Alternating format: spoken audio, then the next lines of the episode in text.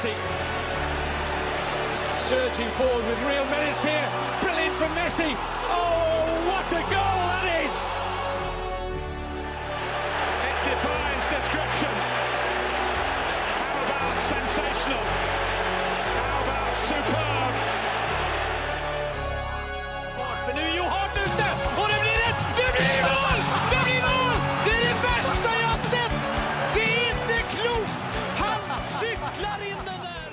Ja da, og velkommen til episode 215 er det vel, av den abnorme fotballpodcasten 90 minutter. Jeg heter Thomas Edvardsen, og med meg i studio har jeg styremedlem i Norsk jakt- og fiskarlag, Mats Granvold. God dag. God eh, dag. Og ikke minst eh, mannen som er eh, Jeg tror du kanskje har Nord-Europas rekord i å være med i podcaster for tida, mister Søren Dupker. Jo, tusen takk. Tusen takk.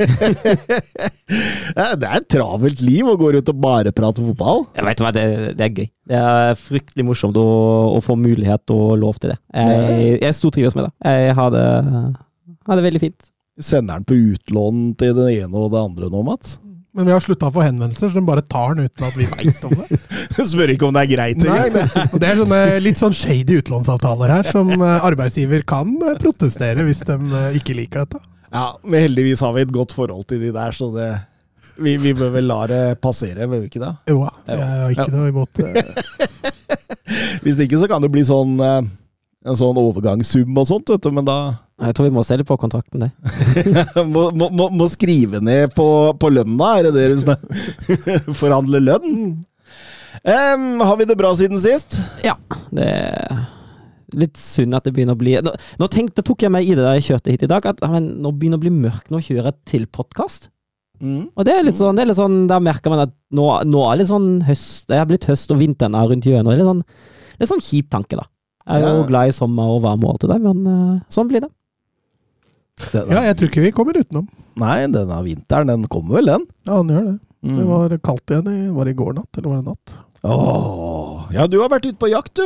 Ja, der var det, der var det jo kaldt, da. Ja, det vi, vi sa det vel, at det bøtter ned hver eneste gang. Nei, været var vi heldige med. Å, det- det var det, ja. Eh, de- Dere var uheldige. Ja. Regna her nede, mens oppe der var det Var sol og fint vær? eh, Sol er vel kanskje å ta i, men eh, ok, det var veldig bra jaktvær. Mm. På det verste så var det litt sånn yr, men mye tåke. Perfekt jaktvær. Ble det noe rev? Eh, ble en del ekorn. Ekorn? Grevling.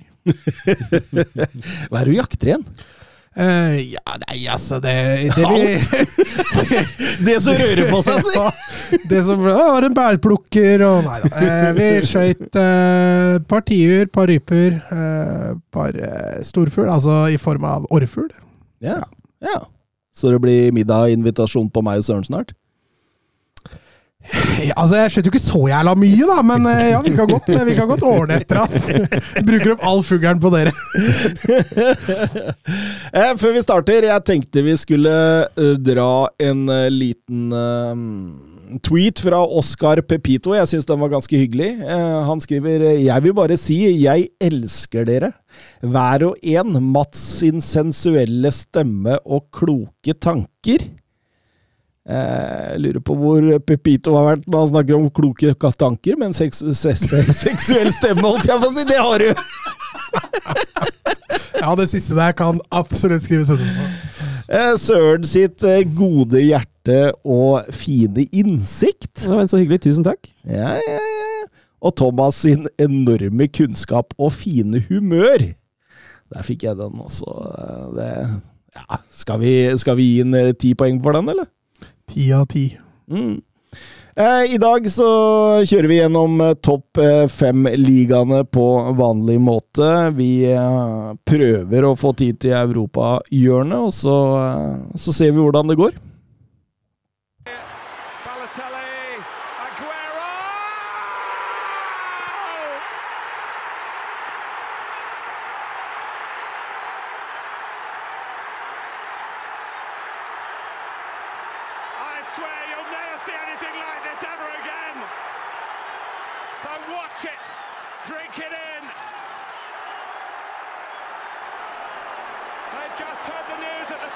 Ja da, vi begynner eh, på eh, Vi begynner på Etiad. Vi begynner med Manchester City mot uh, Nottingham Forest. Og, og ja To tette og vekk med dem.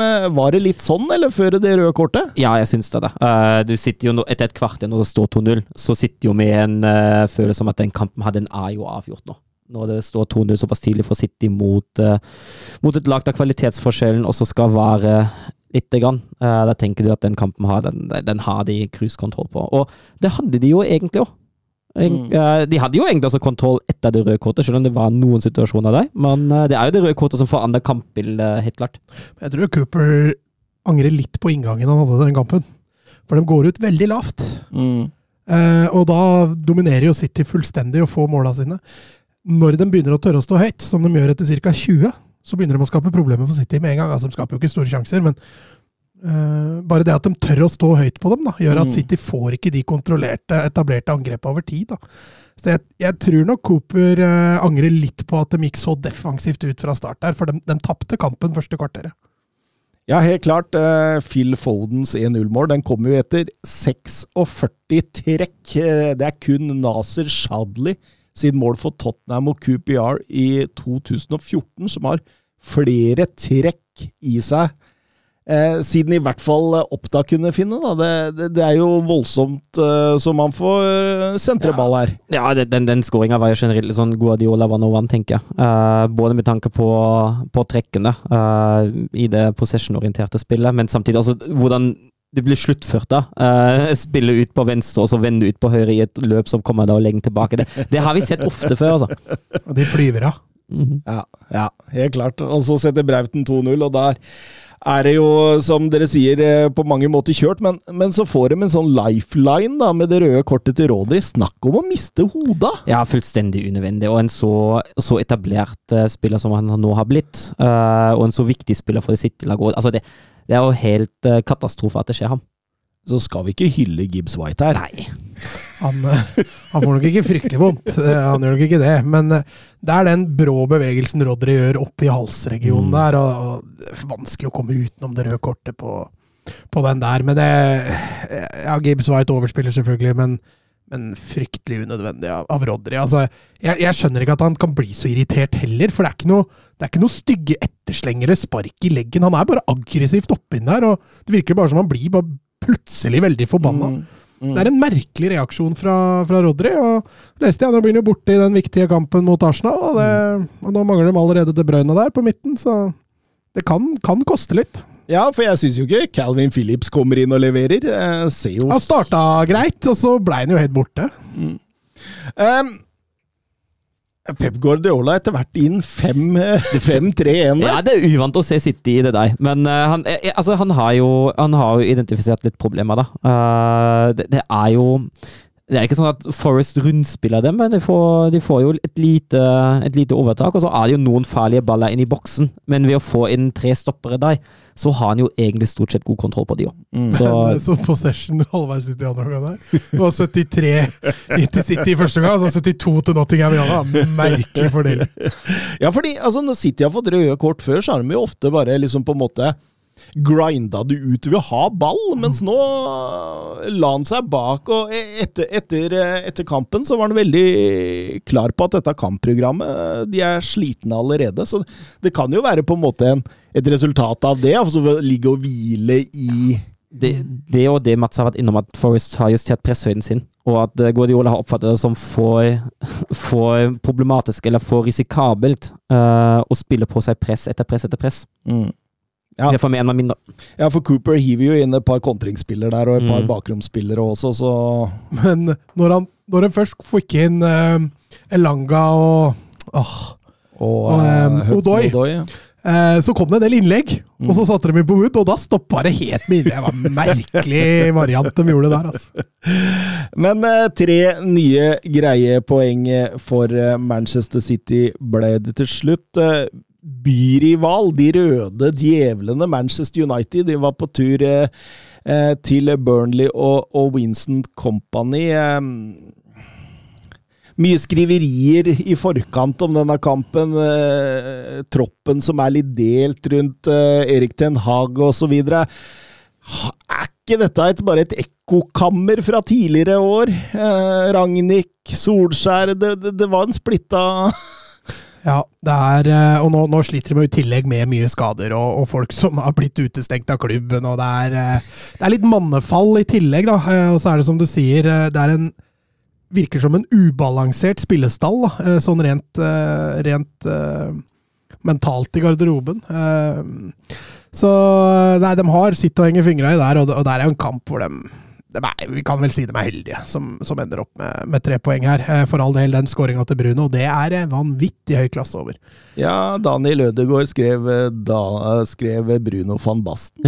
ja, det kan man si. Ja, jeg, jeg er litt sånn den samme tekniske klassen, da. Uh, Van Bastens kanskje enda finere, for det var enda skårehold, da. Men det er en nydelig skåring av Bruno van da, og en fantastisk pasning av Evans. Ja, Manchester Uniteds svar på Ruud Gullit. Men, men, men, tror, men tror dere den pasningen til Evans der kommer av at det, han veit ikke helt hva han skal gjøre med den? Det ser nesten sånn ut, for han er, han er jo ikke pressa, ingenting sånn. Det, det sånn Oi, Nei, der kom ser- det et løp! Han okay. ser jo løpet, så det er jo en bevisst Jo, pasning. jo, men det er jo ikke sånn Manchester United altså under Ten Hag skal spille. Det er jo ikke prototypen Nei, på hvordan de men, men det var jo den kampen her generelt sett ikke et prototype på. Eh, For det er Alt feil. ja, Burnley har jo klart mest ball. Eh, Ten Hag liker jo i utgangspunktet å, å styre kampene, men eh, Burnley som lag fremstår jo mye mer solid enn det United gjør, men United er hakket hvassere i begge boksene i den kampen her. og, og eh, Den blir jo bare bedre og bedre utover i matchen, men jeg, men det syns jo Burnley Den sjansen de har i stolpe. det er vanvittig at de ikke slipper inn der. altså. Mm. Mm. Eh, eh, men det er, det er jo klart, da, når du ser den elveren Manchester United stiller med der, altså som Mats er inne på, mye skader, det er mannefall Jeg tror jo Company eh, må ha tenkt her er det muligheter, og når du hører Company i intervjuet før kampen òg, så er det Han sier at han frykter kontringene. Altså, man får Manchester United store Manchester United på besøk, og så Som Burnley-trener så frykter du kontringene.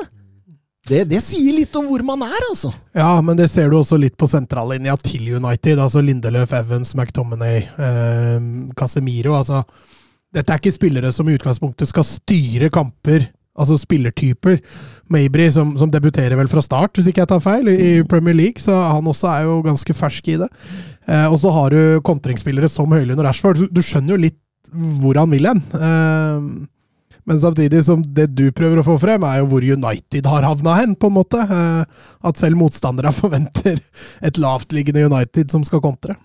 Ja, for det, når, når du ser det mot etablert eh, forsvar, da, Søren Altså, vi, vi var litt inne på det i forrige episode. Altså, det er så hjelpeløst! Ja, det, det, altså, det var vel Gustav Hone som spurte sist om en ser en klar plan. Nei, man gjør jo ikke det. Det er, jeg, jeg skjønner ikke helt hva de egentlig prøver å finne på. Så, det, så igjen, det er veldig mye spill på Rashfords individuelle kvaliteter. Mm. Uh, og ellers er det litt sånn jeg vet ikke, Det virker sånn som finner på noe og skå et mål. Sånn, altså. Ja, Ja, ja. hvis du tenker det laget de kjørte inn før sesongen, da, uh, og så ser du det laget de har på banen nå, så er det egentlig bare Rashford, Bruno Fernandes og vi kan kanskje ta med Casemiro, da. Offensivt, som er på banen fra det laget som blei innkjørt. Altså en Anthony som er borte på ubestemt tid, en Sancho som er borte på ubestemt tid, Høylund som kom inn eh, seint, eh, Eriksen som er satt på benken.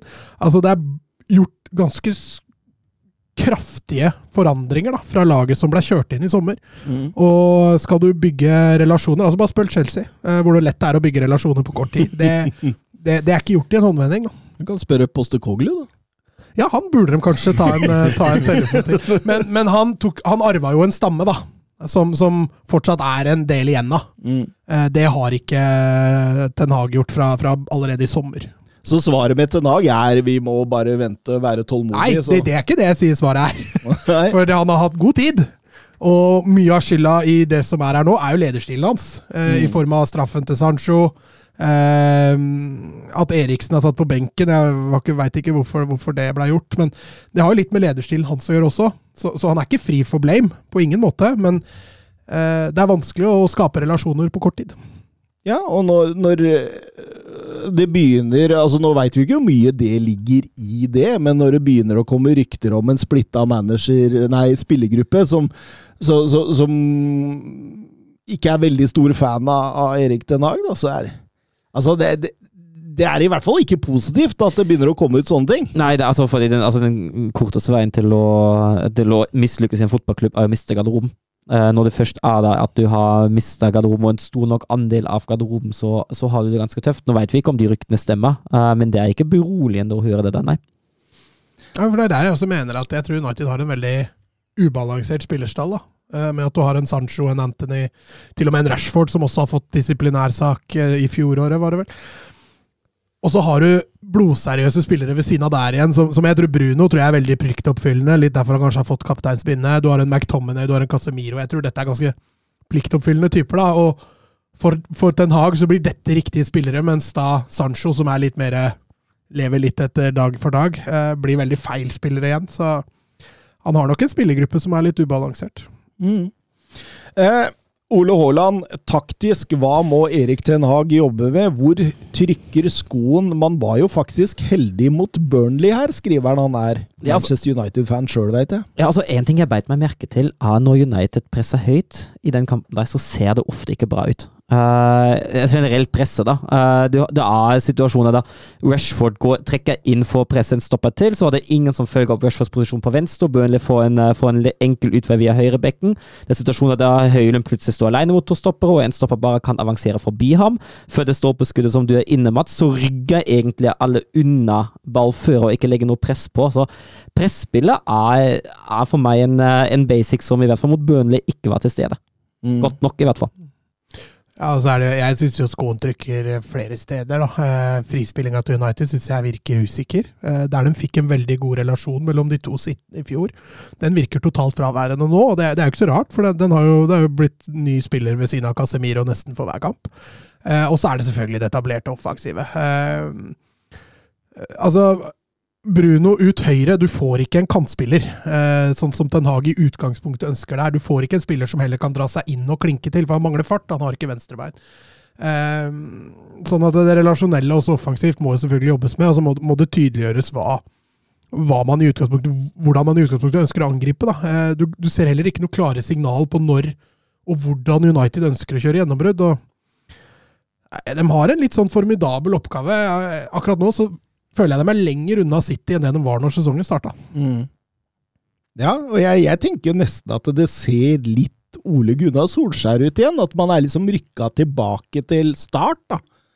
Og at man liksom på en måte eh, At man liksom på en måte Denne sommeren burde Erik Ten Hag komme inn, og så burde han gjøre en stor del endringer i troppen og, og sette et klart spill.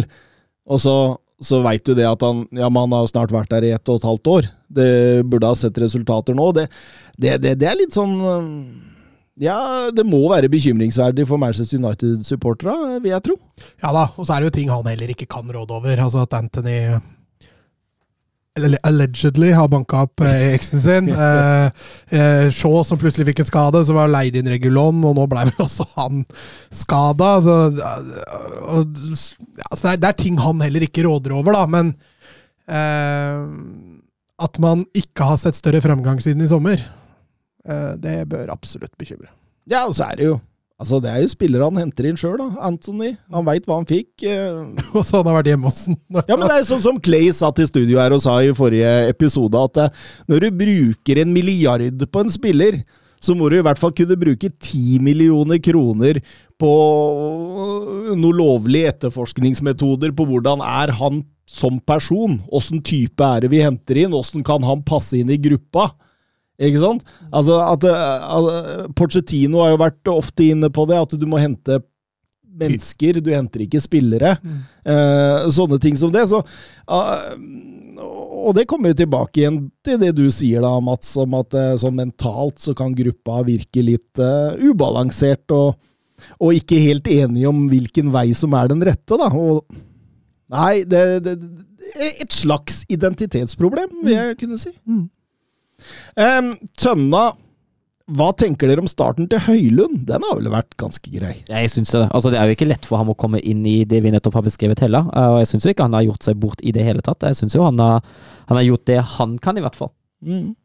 Nei, det sitt første du sier der, tror jeg er vesentlig. Han kommer inn i en, inn i en tropp som virker, eh, virker litt splitta, og og, og ting har ikke satt seg. Eh, jeg syns han har kommet ok fra det i forhold til at han starta skada, og har vel egentlig bare starta tre kamper, vel. Ja. Det er vel noe sånt noe med Champions League Ja, der. og så har han fått to skåringer, pluss en annullert. Så han, han har jo starta greit. Eh, Filip Ringstad eh, var det som hadde det spørsmålet. Nå skal vi over til Bjørn Erik Skorge. Han, han ønsker at vi skal snakke litt om eh, Sancho-sagaen, fordi det har jo blitt nærmest et uh, ja, det, det virker ikke som det går an å løse det. Nei, altså nå, Ten Ut ifra det jeg har lest nå, så var jo Ten Har ute og har sagt at det, ballen ligger hos ham. Uh, hvis han sier unnskyld, så, så løser det seg. Sancho nekter vel å si unnskyld for noe som helst, og nå har han vel også blitt isolert enda mer fra førstelagstroppen. Får ikke lov å spise sammen med den og sånne ting når, når de er på, på, på jobb. Ja. Eh, og det virker som om Ten Har ikke er villig til å vike en millimeter fra prinsippene sine, og Sancho, ser ikke noen grunn til å til å, til å følge sjefen heller. Da, altså, altså, er det jo, altså er det jo litt sånn at Altså, jeg skjønner jo Ten Hars første reaksjon, da. Eh, at den, at den suspenderer ham. Det er jo fullt forståelig etter, etter det som har kommet på Twitter, men så tenker jeg, da Så bør man jo ha lagets beste i, i tanke, da. Og han viser en reaksjon, og det er riktig. Han uh, Sancho får sin straff, men er det ikke greit å la det vare med en uke der, og så er det, og så er det greit? Tenker jeg da, er det, er det så ille det han har gjort? Nå trener han på egen hånd, og ifølge flere tabloider så gamer han eh, til langt utpå natt og sover til langt utpå dagen. Altså, Det er ikke profesjonelt, da. Nei, ikke i det hele tatt. Og det, det er jo liksom det som var Ten Hags problem i starten òg, men Kanskje ikke de hjelper, da? Ikke? Nei, det er akkurat det, det, er akkurat det som er poenget. Men han slår meg jo også som typen som er litt sånn Osman Dembélé light. Del Ali. Hvis ikke du, ja, hvis ikke du følger tett opp, så, så sklir du ut med en gang. Og, og hvor talentet er, er større enn en enn treningsviljen. Og, eh, jeg er litt sånn delt da, med sånn som deg, som som sier, Søren. For, for det er jo Ten Hag som først går ut i media og sier veldig direkte at han har ikke vært god på trening. Han, han, Nei, kanskje der så burde han ha ja, det er det jeg mener, at allerede der burde, være, burde Ten Hag være litt mer profesjonell og si at ja, det er sportslige grunner til at han ikke er med, mm, men det tar vi ikke på TV. Nei, Helt riktig. Grunnen til det. Og så lar vi det være. da. Og istedenfor så kommer da Sancho, som tydeligvis er like sta som Ten Hag, og skal forsvare seg. Kan man si at det var også dumt for han å gjøre, men Mm. eh, ting bare eskalerer og eskalerer. Og, begge to virker like sta, og da blir det jo steile fronter, da. Hører rykter om at Dortmund nå har kontakta Manchester United for muligheten for å hente den tilbake. Ja, det hadde ikke forundret meg. Det hadde de gjort med Kagawa òg. Mm. Eh, Steffen Hansen, hva tenker dere om Jorge Mendes-intervjuet hvor han sier at både Felix og Cancelo ble tilbudt Manchester United, men at Manchester United sa nei? Altså, nå forteller jo denne historien ingenting om når de ble tilbudt disse, og til hvilke avtaler de var forspeila, men la oss si dette var midt i vinduet, da, så blir jo betingelsene sannsynligvis litt annerledes. og Joao Felix, hadde han fungert Paul Trafford? Har mine tvil. Nei, den, den er jeg enig i, men akkurat Cancelo Ja, men jeg, jeg, jeg tror nesten det kun er Barcelona som klarer å få han opp på det nivået han hadde i City nå, da, for det virker nesten som at han hadde en sånn iboende lyst da, til å spille for Barcelona, og at det kanskje alt annet vil han bare Altså være litt Bayern München Ja, over, da. ser jeg poenget ditt. Men altså, altså, som sagt, som du sier, det kommer jo an på betingelsene. da. Ja. Uh, hvis man kunne fått et lån på Cancelo, så hadde jo det hadde egentlig vært en forspilt mulighet. Hvis han, eh, hvis han hadde vært superdue superdyr og krevd masse i lønn, så hadde jo klart at da Felixen gikk jo ned masse i lønn for Mm. å komme til Barcelona. Altså han, han tror jeg hadde det, og han sa det jo tidlig i overgangsvinduet.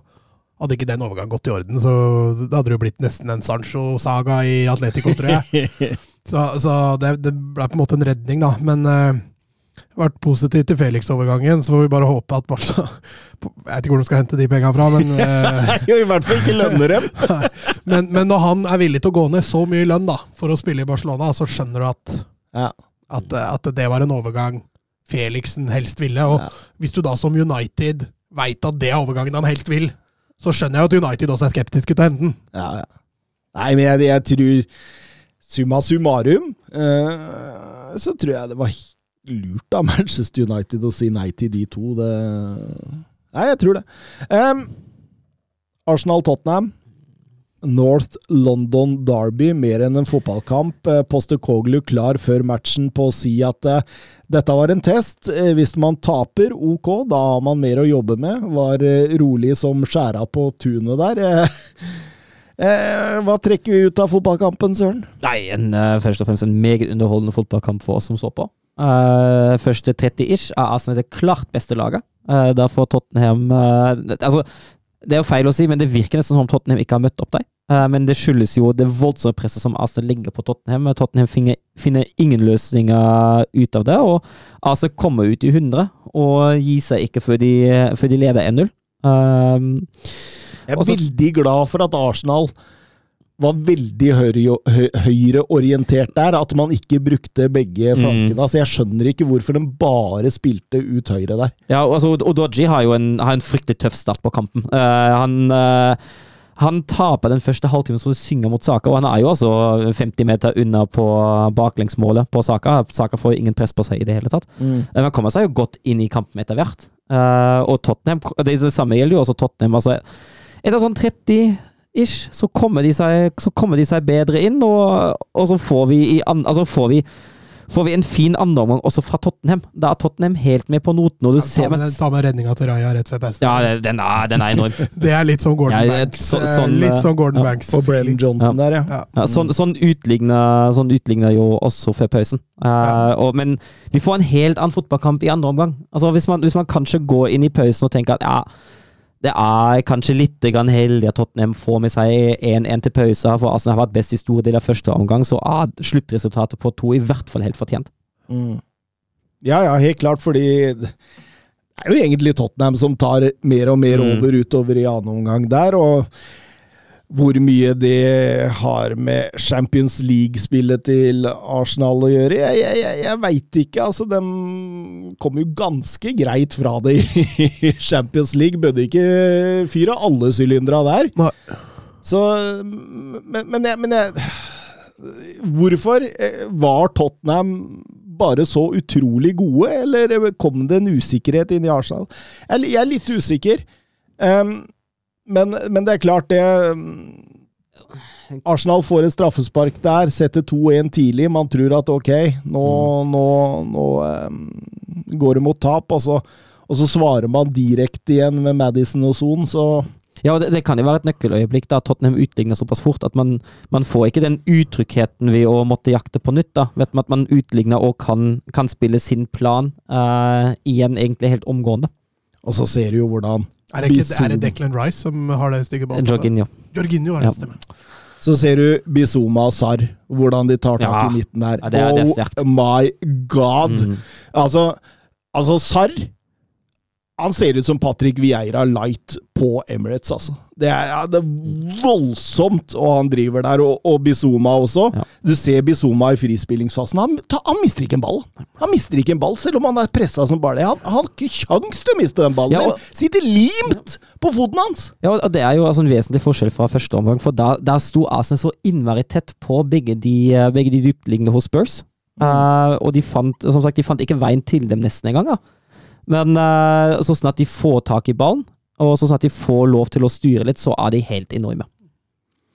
Tore Christian Stensrud, er ikke Enketia sin takling på Vikario klink rødt? Ja, jeg, jeg, jeg syns jo egentlig det. Jeg, jeg tenker jo at eh, Altså, hvis vi, vi skal jo et, innom et annet rødt kort, som ble gitt etter Vai i en annen kamp som gikk samtidig. Jeg tenker jo at den til Enketia kanskje er mer rødt enn det røde som blir gitt. Ja, ja. ja. Jeg, altså, jeg, jeg, altså, hva VAR driver med der? Han hadde en stygg en mot Pickford òg i runden før, Mhm. så åpenbart så er jeg litt ute av balanse her når, når det brenner som mest. Jeg veit ikke. Ja, Han feilberegner jo taklinga fullstendig der, og, og Vikario har jo faktisk beinet i bakken. mm. Så Treffer han der, så er det ferdig. Ja, det kan, det kan bli stygt, en sånn, en sånn type takling. Så, så det er jo fullstendig hjernemist. Men det er klart, han ser jo ballen, og det er den selvfølgelig han prøver på. Men når du bommer såpass, så, så bør det få en konsekvens. For det er dommerens oppgave å beskytte, beskytte spillere. Mm. Eh, Blei litt temperatur etter hvert, som det skal være i North London Derby. Mikkel Arteta hoppa opp og ned og fløy langs den sidelinja. Ernst Postekoglu så ut som han sto og venta på bussen. Veldig stor forskjell på de to lederstillene på Han gikk i dress. Det har ikke jeg sett den i før. Han pynta seg for anledningen. Pynta seg. North London Derby, vet du. Eh, Postekoglu etter kampen eh, Litt artig, han sa jeg får veldig mye spørsmål rundt at jeg minner om Arteta og minner om eh, Guardiola og hva de står for. Og, eh, men, men jeg har da min egen stil. Eh, Hvis man skal kopiere Picasso, så hadde det bare blitt en dårlig kopi. Du må finne din egen vei, sier han. Ja, og han har jo et poeng. men det er jo Altså, jeg, jeg tror ikke at han ikke er inspirert av i hvert fall Guardiola. da. Eh, Nei. eh, men det er jo det er en forskjell mellom å la seg inspirere og kopiere. Eh, jeg er jo enig i at han har, han har funnet sin egen måte å spille fotball på, og det, det gjør han glimrende. Torjus Hansen. Eh, ekstremt imponert over siste timen til Tottenham mot Arsenal. Eh, når hadde Arsenal minst ball på Emirates sist? Når spilte Arsenal så lite etablert på Emirates sist? Eh, for en enorm jobb Postekoglu har gjort, snur ting opp ned på måneder. Ja, det kan man vel signere, det. Ja, det er helt vilt. Jeg, jeg, jeg måtte sjekke, så jeg, jeg måtte inn og se mm, Hva var ballinnehavet sist Manchester City var på Emirates? Og de hadde ballen i 36 Mm. Tottenham har, avslutter altså kampen her med 54% ball på Emirates. Altså det, det er ganske jeg, jeg, jeg tror det er lenge siden sist et lag eh, kom med mer possession på Emirates. Så det Nei, utrolig eh, gøy og gøy fotballkamp. Ja. Og, og poengdeling var greit. Ja, jeg syns det. Du, du ser, jeg, jeg sjekket også X-Skin etter kampen, og den var tilnærmet likt. Det var 0,2 maks i forskjell, så det, jeg tenker at det er helt greit med uavgjort der. Eh, Petter Martin Støvland, Luka Vuskovic eh, til Tottenham. Hva tenker Thomas om det? André Solberg spør også. Tottenham annonserte det i går. Eh, dårlig skjult hemmelighet har det vært over flere uker. Et av de større stoppertalentene i Europa, 2007-modell. Eh, har allerede gått med kamper for Hajuk allerede, og skal bli der fram til sommeren 2025, så dette er jo framtid. Men et vanvittig talent, altså. Helt der oppe og Det er nok derfor Tottenham henter han nå, for de forstår at om to år så blir kanskje konkurransen vesentlig større. Og så, så er det jo gøy, da. Det ser lyst ut. Vuskovic, Ashley Phillips. Her har man stoppere i de ypperste, ypperste talentklassen i, i, i klubben, og du ser Postekoglu, han setter jo Philips Phillips på benken, han, og selger unna både Sanchez og, og Tanganga og sånt, så det, det er jo åpenbart at eh, han er jo ikke redd for å bruke dem, Mats. Nei da. Og det en, kan være en veldig sunn, sunn klubbdrift å holde på på den måten. Og spesielt når de to du nevner ikke har vært gode nok heller, så er det jo lett, en lett avgjørelse sånn sett. Men tøft og, tøft å faktisk eh, gjennomføre det. Eh, nå skal det sies at å kjøpe en 07-gutt Det er litt risiko ved det òg, da. Jeg skal ikke ikke noe vits i å legge altfor mye press ennå, men, eh, men du kjøper jo selvfølgelig et talent, og så kan det gå fortsatt mange veier. Jonny Sveen. Hei, karer, og takk for en eh, flott pod, skriver han. eh, Han er Tottenham-fan, ser Tottenham med sønnen sin på 13 år, og har ved flere anledninger sagt at Tottenham må hente Wolfsburg-spiller La Croix, søren. Ja, han er, han er jo litt sånn en Altså, da, da han først kom til Wolfsburg og spilte sin første sesong, eh, så man- hadde man jo store håp om han. Da, så var den andre sesongen litt dårlig og litt, eh, litt rotete, og hatt litt, litt sånn den veien der òg. han er litt sånn en, litt, mer, litt mer uvøren Mickey van de Ven, da. Han har en del av de samme styrkene, eh, særlig den høye farten som han har. Eh, er også brukbar i pasningsspillet, men han er litt sånn Må ikke begynne å sammenligne Lacroix med Van de Ven nei, nei, til Tottenham-supporter, for da, Nei, begynner men det- da Ven- mister, mister dere han i løpet av Van de Ven er nok et stykke foran. Uh, han har, han har blinka seg ut på venstrefil og kjørt forbi en voldsom fart og ikke sett seg tilbake på Lacroix. Altså. Men, uh, men det er litt sånn med den der utryggheten som Lacroix fortsatt har i forsvaret. Uh, det var en periode da han fikk voldsomt mange utvisninger og lagde voldsomt mange straffespark. Uh, litt sånn feil posisjonert til tider, litt sånn dårlig timing i taklingsspillet. Han har vært uh, stabil i det siste. Jeg syns forrige sesong hans at han ble benka unødvendig mye. Uh, akkurat nå er han jo uh, klar, klar førstevalg på stoppeplassen til, til Wolfsburg. Um, om han nå er Altså, om han, om han nå er klar til å, til å gå til et topplag i Premier League, da. Det, det, det er litt sånn usikker. Vi får se litt den sesongen der. Uh, det er et stort potensial i ham, uh, selv om den utviklingen kanskje ikke har vært helt som han har ønska. Mm, mm. Eh, med de vakre ord går vi over til Chelsea Aston Villa. Eh, litt sånn tett og jevn og litt sånn lukka kamp i store Mm. deler av, av kampen, egentlig. Jeg synes ingen lag får noe spesielt rom. Begge lag vil angripe raskt, men det, det går seg ikke helt til. Nei, det går seg ikke helt. Altså, du, har, du har noen sjanser den ene og den andre veien, men altså, det er jo det er en kamp der veldig mye skjer, litt sånn mellom boksene. og Det er sånn ingen av lagene som du sier, som får ordentlig kontroll på det der. Nei, nei. Jeg, jeg, sy, jeg syns faktisk at Chelsea åpner annen omgang ganske bra. Da, Mm. da er de enda mer direkte, skaper et par halvsjanser, og så får de rødt kort med Malo Gusto. Og det, det er jo en, uh, det er en game changer. Ja, Um, Fredrik Konradsen spør jo kan det forsvares at VAR går inn på Malo Gustos røde. Han er først på ball, fullfører ikke med voldsom fart eller kraft. Jeg synes eksempel Nketia sin mot Vikario er mye styggere. Der går ikke VAR inn. ja, jeg er helt enig med ham. Uh, og det, det er igjen da, hvor mange ganger jeg har vært innom den, og den der røde tråden da, Mm. som ikke er til stede en gang når kampene går samtidig. Det er jo, det er jo helt sykt. Uh, jeg er helt enig med, med det han sier, da. At han er jo han er først på ball, og han fullfører den ikke. Altså. Og så kan du, kan du spole litt fram og se at ja, knotten hans er borti skinnleggen. Greit. Uh, men, Ja, men kraften, men- kraften har jo veldig mye å si, da. Ja, ikke sant? Og så, begynner han den taklinga eh, på en måte i forkant, så Jeg husker ikke spiller nå som kommer. Eh, hvem var nå det igjen? Det var eh, Må jeg tenke her. Det er ikke, så farlig. Ja, det er ikke så viktig. Jo, Luca Dign, bare. Ja. Luca Dign. Eh, han er på vei mot den, Mm. så idet han Altså, så, så på en måte det, det er ikke en spiller som blir stående der og kløyvd ned. Mm. Det blir en spiller som også er i bevegelse framover. Så jeg syns jo det er mer uheldig og mer og, og, og, men, men, samtidig, du gir jo dommeren anledning da når du har oppe med de knottene der. Er Ja, jo, sånn er det jo alltid. Jo, jo, sånn er det alltid. Og så tenker jeg jo at altså, hvis han Det er sånn det at han ikke fullfører det helt, da, som er liksom det avgjørende for meg. da Fordi altså, Hvis dommeren ser det på banen, og så bestemmer han seg for å gi et kort, ok, greit, da han, bedem- da han dømt det der, da.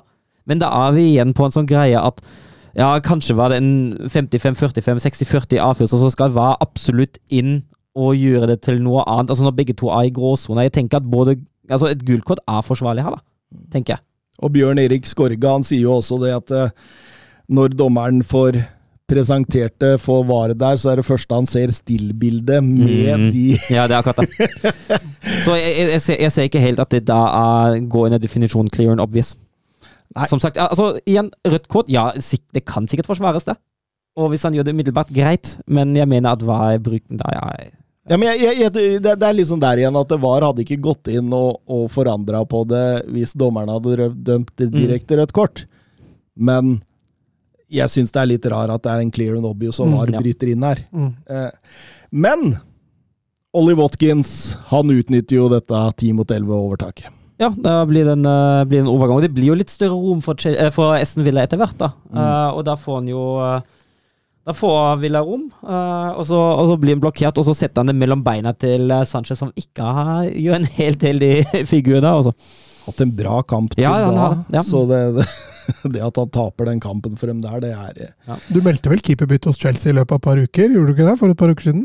Ja, Er ikke dette anledningen da til å jeg ser ikke at uh, keeperen som sitter på benk er noe særlig dårligere enn deg. Kanskje hakket bedre i mange deler av, uh, av spillet.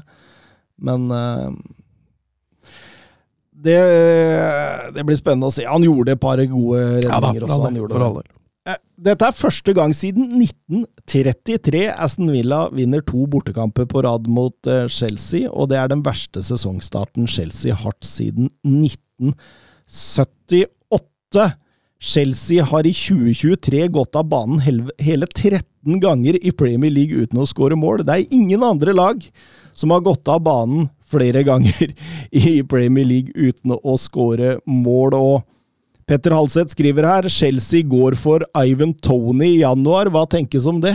Jeg tenker at det er akkurat den spisstypen som de trenger inn der. Eh, vi har jo snakka vi har jo snakka en del om at de mangler en sånn ekte nier. Uh, en som kan også ha litt presens i boksen, som litt sånn fyse som kan fungere litt feilvendt og alt det der. Så ja, Jackson, du ser det også i den, i den ene situasjonen han har. Når han tar Når han finner de løpene og finner de rommene, så er han jo et våpen, så er han jo farlig. Uh, men med, tanke, med tanke på hvordan Chelsea spiller nå, så har de gått av en Tony-type, og jeg tenker kanskje at det kan være en spiller som de har gått av. Så en YouTube-film her for en liten stund siden, hvor en, det var et eksperiment med en sånn der insektskar, hvor han fant en sånn boks, og så la han ned én tarantella oppi boksen. Han la ned én sånn eh, type sånn der orm. Og, Slange, eller? Ja, ja, og så én sånn der av tusenbein. Og så skulle hun se hva som skjedde der. Og, og, og åpenbart der, så tarantellaen var litt mer sånn Han venta på muligheten. Eh, mens det tusenbeinet, han, han løp i øst og vest og overalt og over dem og, og rundt dem og alt mulig sånt. Og jeg tenker at uh, Nicholas Jackson er tusenbeinet her, og at de trenger en tarantella. Ja. Altså, altså, altså kan man jo legge til det Hvis du ser på XG-en til alle Premier League-lag, så er det Chelsea som underpresterer mest. De har skåra fem mål, men med tanke på XG-en ligger de på 11,83. Det, er det er nesten sju i forskjell. Ja. Det, er, det er voldsomt, altså. Det er ganske mye. Jørgen Nystuen, Chelsea-supporter, eh, vet vi om han? Eh, dere sier at man må gi Porcetino tid. Eh, men kan man forsvare en plass godt nede på nede på nedre halvdel, og gi han tid om dette blir langvarig? Eh, Nisselue og lurer også på om Porcetino kan ryke. Ja, det kan han. Veit hvem som driver og styrer, styrer den klubben der, så, så er det vel ingen som sitter trygt der. Men uh, hvor lang tid fikk Potter? Han fikk jo Var det 25 kamper eller noe sånt? Ja, han fikk jo Nei, var det, eller, jo, noe sånt. Jeg veit ikke. Det var vel seks måneder. Ja, han fikk vel et halvt år omtrent. Så jeg blir svært overraska hvis det går en uke nå, så er Pochettino ferdig. Men eh, samtidig, Chelsea kan ikke være bekjent av resultatene de leverer nå. Altså, selv med innkjøring av nytt lag, ny trener. Altså, det, er, det kan ikke aksepteres. Så jeg tror ikke Pochettino skal eh, la dette gå altfor lenge med resultatene uteblir. Så for han nå så handler det nesten like mye om, om å bare få poeng enn det også å se framgang. For eh, han kommer ikke til å få tid hvis ikke poengene kommer. Nei, ja, det store problemet deres, da. Altså, De produserer sjanser. De er ikke halvgærne defensivt i det hele tatt. Strukturen ser ganske greit ut, men de klarer jo ikke å skåre mål! Og de har ingen klar nier. Nicholas Jackson er ikke noen nier, det sa vi når han ble henta. og når du får også Kristoffer Nkonko da, skada, som kunne vært den spilleren som på en måte er effektiv nok til å sette en del av de sjansene der, så står man igjen med masse nesten-spillere. Man står med Modric, man står med Stirling, man står med ikke sant? Det er masse nesten-spillere framover der som Vi veit kvaliteten er god, vi veit dem er potensielt verdensklassespillere. Men det er nesten, nesten, nesten, nesten, nesten hele veien. Man trenger en som er klinisk. Vi var inne på det, og vi har vært inne på det mange ganger, at man ikke hoppa på Dusan Vlavic-toget. Det er en skandale. Om det var Porcetino sin avgjørelse, så tror jeg han kan sitte dårlig i det. Men hvis dette var Todd Boiley sin avgjørelse, og, og, og kanskje Porcetino på mange måter indikerte at han ønska en ny nier, så syns jeg man skal i større grad frita Pochettino fra dette og gi ham masse tid. Men tror du Todd Boiley skjønner det? Har Todd Boiley fotballforståelse nok til å skjønne det deg, som du sier nå? Nei, det er det som er eh, faren Ja, her, da. det Det er er jo helt klart. Vet du vet, vet, vet du hvem som får månedens mål i Chelsea? Nei. Det må bli U23, da. Ingen som har skåret Ingen som har skåret for A-laget i september, i hvert fall. Jeg så en Twitter- jeg så en twittermelding på det. Det var hysterisk morsomt. Men eh, Kim Jansen, maken til leveranse av Louis og Kamara, da skriver han eh, De kjemper og slåss, eh, Mats. Kamara har jeg veldig sansen for. Fryktelig artig fotballspiller. og Han er jo perfekt i sånne kamper som dette, da. Eh, hvor, hvor Villa ikke må styre så mye, hvor han kan vinne mye baller og, og bare distribuere. Og, og Louis også viser jo at han har dette genet, så i en sånn kamp så var disse to perfekte, faktisk. Mm. Eh, vi går over til Anfield. Vi går over til et Liverpool som eh, på mange måter ser ut som har funnet seg selv litt tilbake. Jeg syns eh, Jeg syns Westham åpner bra, og det, det, det, er svingninger fortsatt, men jeg syns vi begynner å se et toppnivå der som minner litt nå om Ja, Alison har noen kanonredninger i starten der som holder dem jeg ikke si de holder dem inne i kampen, i hvert fall, men, men holder, det, holder, det, likt. Og så, og så, maler Liverpool sakte, men sikkert over. og eh, Riktignok blir det med 1-1 på en kontring der i slutten av første omgang, men andre omgang så, så er det jo nesten enveiskjøring, syns jeg. Mm. Og du ser, eh, Søren, ha har mye ball, bedre i kontradekkingen, mm. bedre i offensiv markering, begynner å få dette trøkket inn igjen. Ja. Nunes skårer mål. Ja, og det det, det, har jeg venta på, faktisk. Da ler du ikke. Ja, og, altså, altså, og da kan vi jo igjen altså det Altså Ja, Klopp har vært der lenge, og en del spillere kjenner han, men altså, en god del av sentrallinja er ny i Liverpool òg. Uh, og han har åpenbart gjort en god jobb til å få inn systemet ganske fort i dem, da. Men Soboslai, ja. han herjer.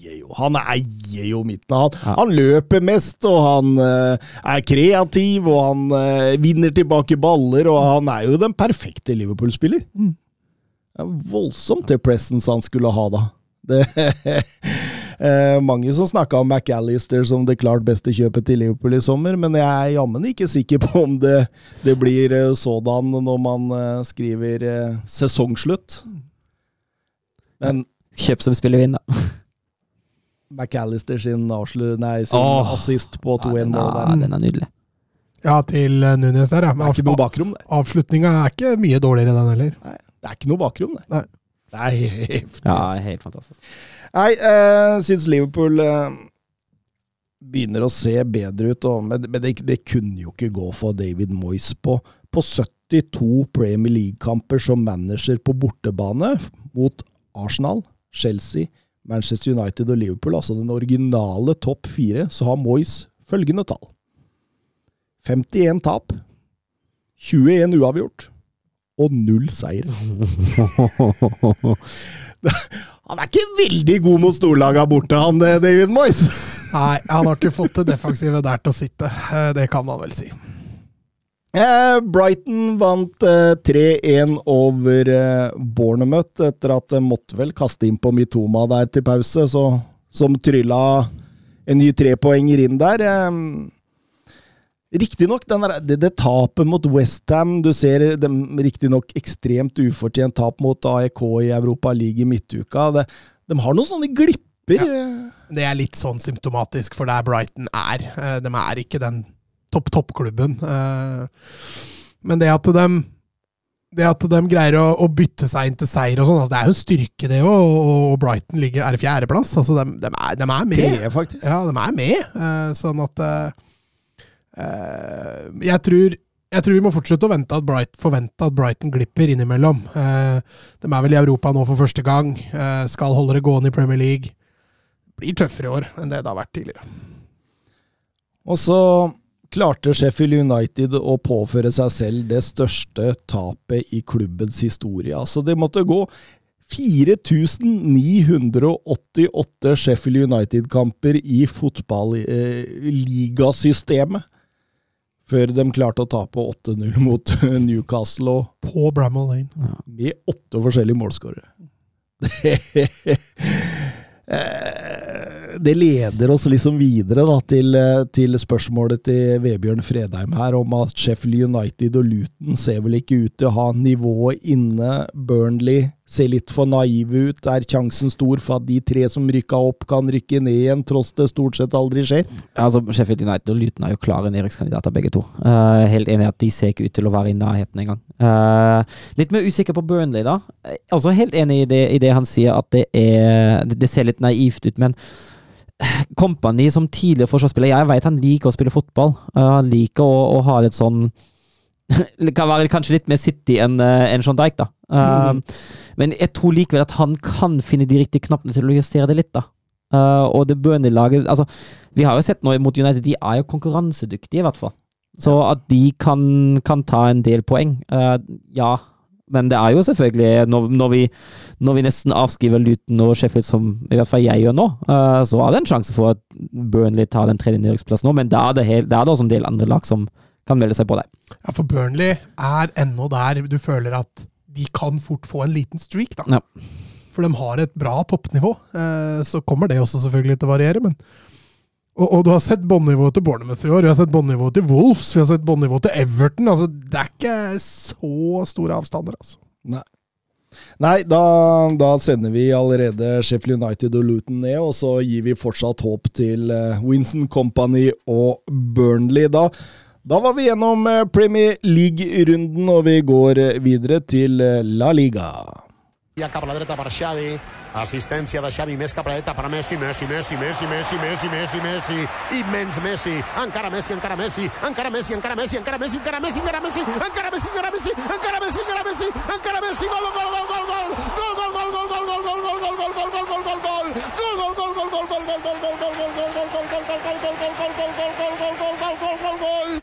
Ja da, vi begynner med Osasona mot eh, Sevilla, som eh, virkelig ikke var noe høydere. Men vi kan begynne med et spørsmål fra Fredrik Stjerna.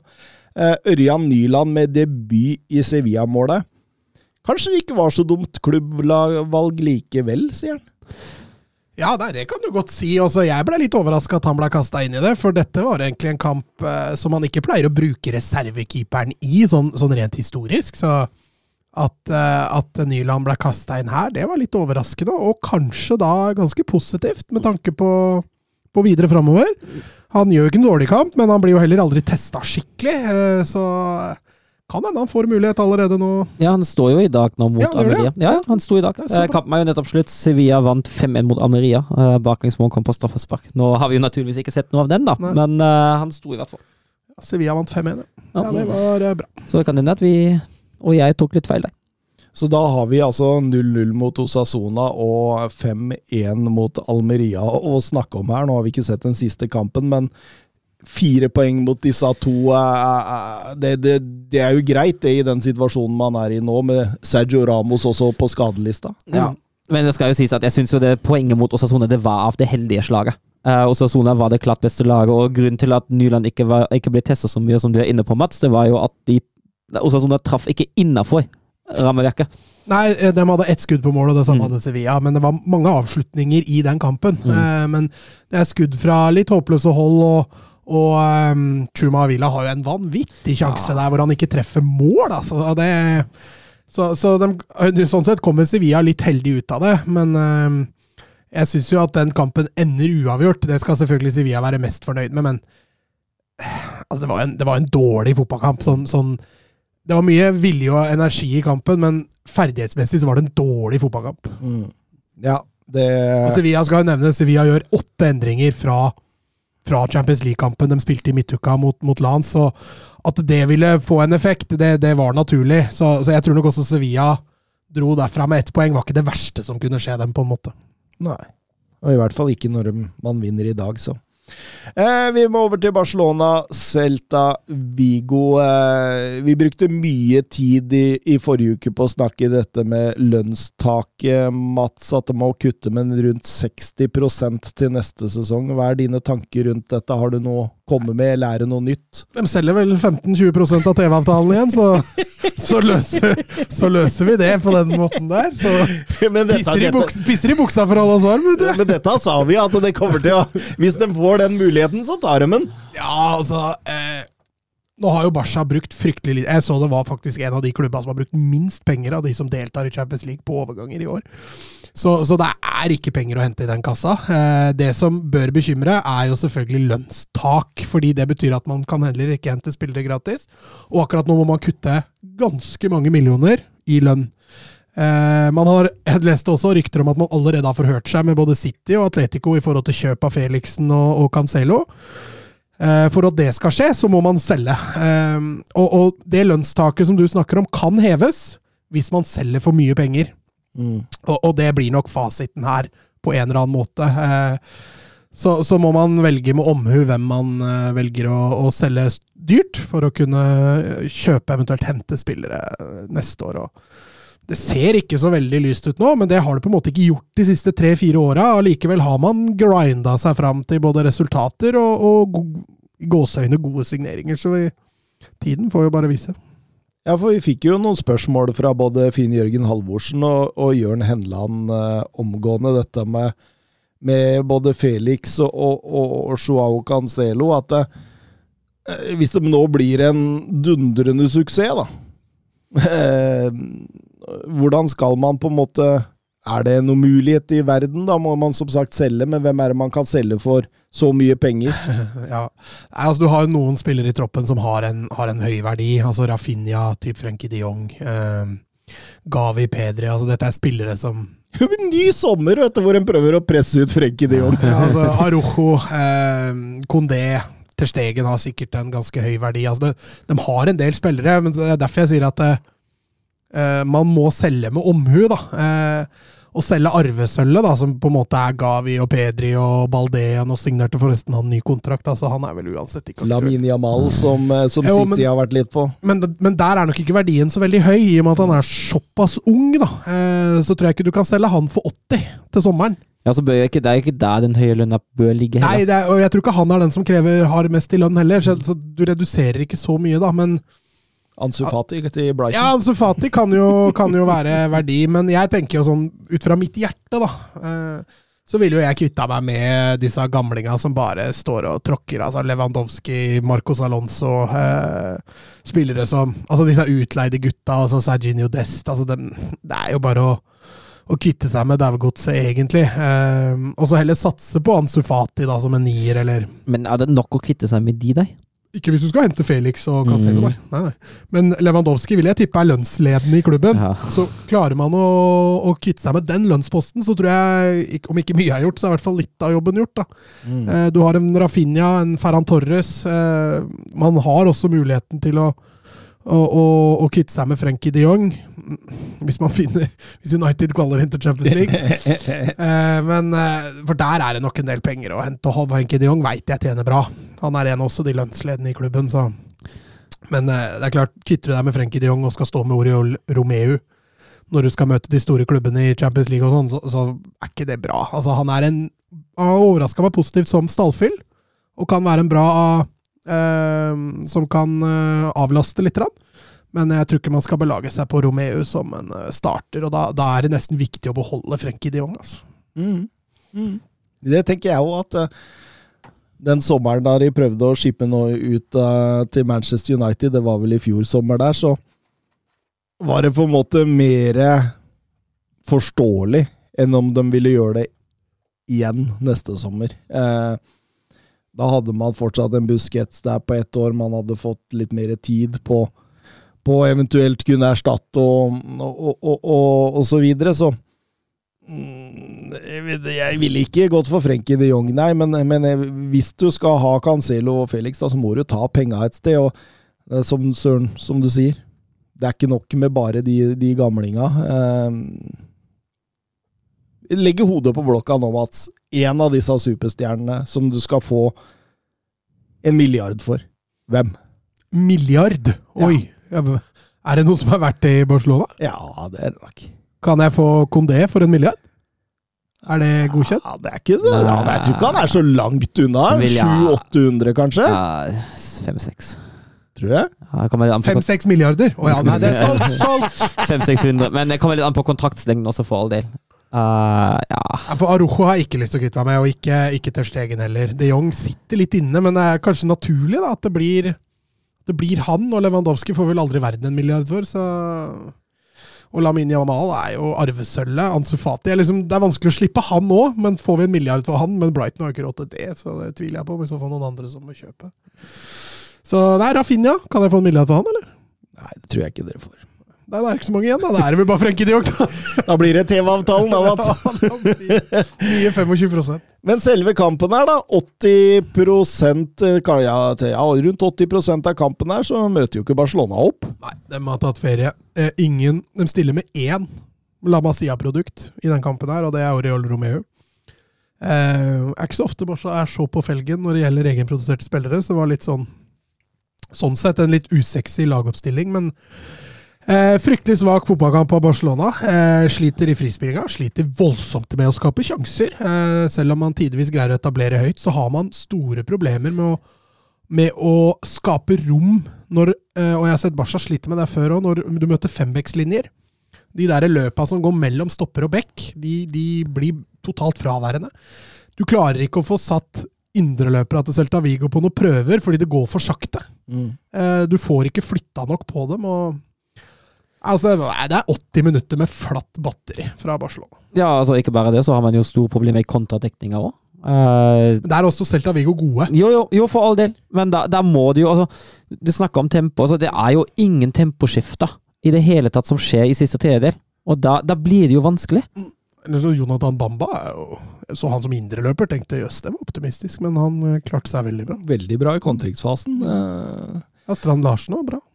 Og når Duvikas uh, satte 0-2 der, så da tenkte jeg det var kjørt. Ja, og det bør jo ha vært altså, de sjanser som altså, Det er ikke nødvendigvis bare sjanser. altså Jøngstrand Larsen, den han, den han setter over, uh, er jo katastrofe at han ikke skårer der.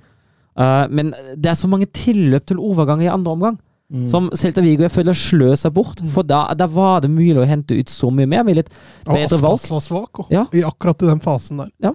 I, I Eh, vurderingsevnen. Og de valgene som blir tatt der, så det kunne fort ha vært både tre og fire om han har spilt de fornuftig til slutt, altså. Jeg tror Mingesa trodde han fortsatt spilte for Barca en periode. For fader, han brant et par store sjanser, altså.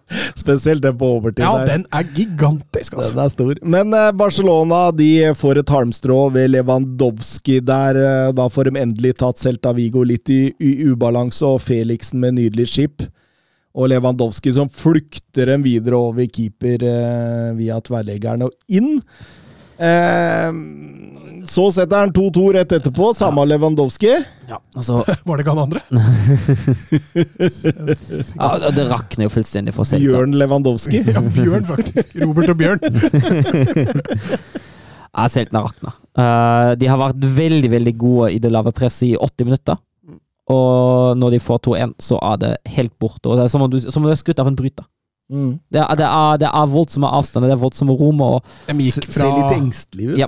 de gikk fra å ha masse energi til å plutselig ha noe å tape. Og det, Mm. det var veldig synlig. og Kudos for så vidt til Barca for å utnytte det på maksimalt, maksimalt men eh, litt alarmerende for Celta etter å ha gjort en nesten prikkfri kamp altså i 80 minutter. Det mangla bare et mål til eller to, så hadde det vært en perfekt kamp. Og to minutter før slutt. Det er jo, Mats var inne på det, de starta med en eh, fra La Masia, men det kommer to inn der som gjør forarbeidet, inn til Cancelo, som eh, Ja. er på lengste på blindside. òg. Balde og Gavi. Gavi med et strålende innhopp. Um, når Frenkie de Jong måtte ut med skade litt tidlig der, står det at han skal være ute i fem til sju uker, så litt jubilei. 57 uker. Mellom 57 og 59 uker. Ja, et eller annet. Fem til sju uker. ja. Eh, og Balde og Gavi setter opp eh, strålende innløp der fra Cancelo. Og bra ball av Gavi. Og, og, og 3-2. Eh, Gavi fikk jo tidlig gult kort der, og, og du så han reduserte spillestilen sin resten av kampen. Det er eh, hans bane. Men eh, godt fornøyd med at man greide å snu det, selvfølgelig. Viser god mentalitet. Men eh, alarmerende de første 80 minuttene der fra Barcelona. Så det, det var ikke bra. Nei, eh, på ingen måte. Det ble uansett eh, Xavis eh, 50. La Liga-seier med Barcelona. Behøvde 70 kamper for å komme til det tallet, og det er kun fire andre Barcelona-managere som har klart det eh, på færre kamper tidligere i historien. Eh, kan du tenke deg hvem de, eh, de fire er, Mats? Jeg har lyst til å si Tito Villanova, men han fikk vel aldri så mange kamper. Nei, det er sant, det. han hadde bra statistikk. Er Guardiola der, da? Han er der, nummer to. Han trengte 67 kamper for å nå 50. Ja. Frank Rijkaard, da? Nei, Eh, Bobby Robson? nei, Johan Cruyff. nei. det er Louis uh, Henrique. Å nei! Henrique. Ja, selvfølgelig. Han topper det. 63 kamper han trengte han bare på, på Men 50 det- seire. Ja, for Tata Martino var jo ikke der så lenge. Um, Ronald Coman var ikke der så lenge. Altså, må vi Jeg fant Gala. Nei, nei, nei, han er ikke der. Du har eh, Valverde på en fjerdeplass, og så har du Helenio Herrera fra 60-70-tallet. Ja, nei, det var før min tid. Mm. Men Luis Henrique ble tatt det. ja, han, eh, han er den som har hatt eh, kortest tid på å oppnå 50 eh, La Liga-seire for Barcelona. Vi må videre til bydarby byderby eh, i Madrid. Vi må til Atletico Madrid mot Real Madrid. Og Atletico går fra 7-0-seier mot Rayo til 3-0-tap eh, mot eh, Valencia til uavgjort igjen mot eh, formsvake Lazio i Champions League. Hvor keeperen skårte på Mm. overtid, da. Det bør faktisk nevnes. det var ganske artig, var det ikke det? Og det som er gøy der, han har et så godt løp, han keeperen der, i det rommet inn Ja. Det var hva, ingen andre som skjønte det! hørte du hva han sa? Nei. Han sa han hadde sett veldig mye på Chiori Mobile på trening. Det var han som lærte det. Men Provedel har jo også blitt ganske mye bedre i mål de siste åra, Mm, så ja. da, da, da kan du kanskje bli en late bloomer på nummer ni. Altså, han har blitt såpass bra at han har begynt å trene headinger, altså. Det er ikke gærent. Har runda keeper, så nå, nå satser han på spiss resten, av, resten av tida. Men, men eh, tar jo imot et Real Madrid her som spillemessig har vært eh, svært varierende, tross at de har eh, funnet veien fram til tre poeng i hver bidige kamp. og Får det tøft fra start her. Ja, jeg syns eh, den bommer eh, Jeg syns Real Madrid bommer grovt på inngangen til kampen. Stiller opp i en eh, Ja, de stiller opp i sin vante diamant, men nå skyver de altså Bellingham fram som spiss og Modric i en, i en tierrolle, med Valverde og Kroos som indreløpere. Um, og bommer egentlig grovt. Og, jeg syns eh, Atletico finner feilen ganske kjapt med å angripe bredt. Det vil da si at det blir ofte satt opp én mot én, to mot én, bredt i banen. Eh, Lino og Molina hadde for så vidt en enormt svak kamp offensivt i den, eh, i den kampen her, men, men de får i hvert fall satt dem opp og gitt dem litt trøbbel, og Jorente i bakrom der på høyre, og, og de får nok å gjøre der. Og forarbeidet til Lino før 1-0 er jo pur klasse. Ett løp i boks, og den finner han. Så uh, marerittstart for Real Madrid. Ja, og, og denne Lino han herjer jo fullstendig fra starta der. og Det ser ikke ut som Real Madrid har huska på å ta med høyreback.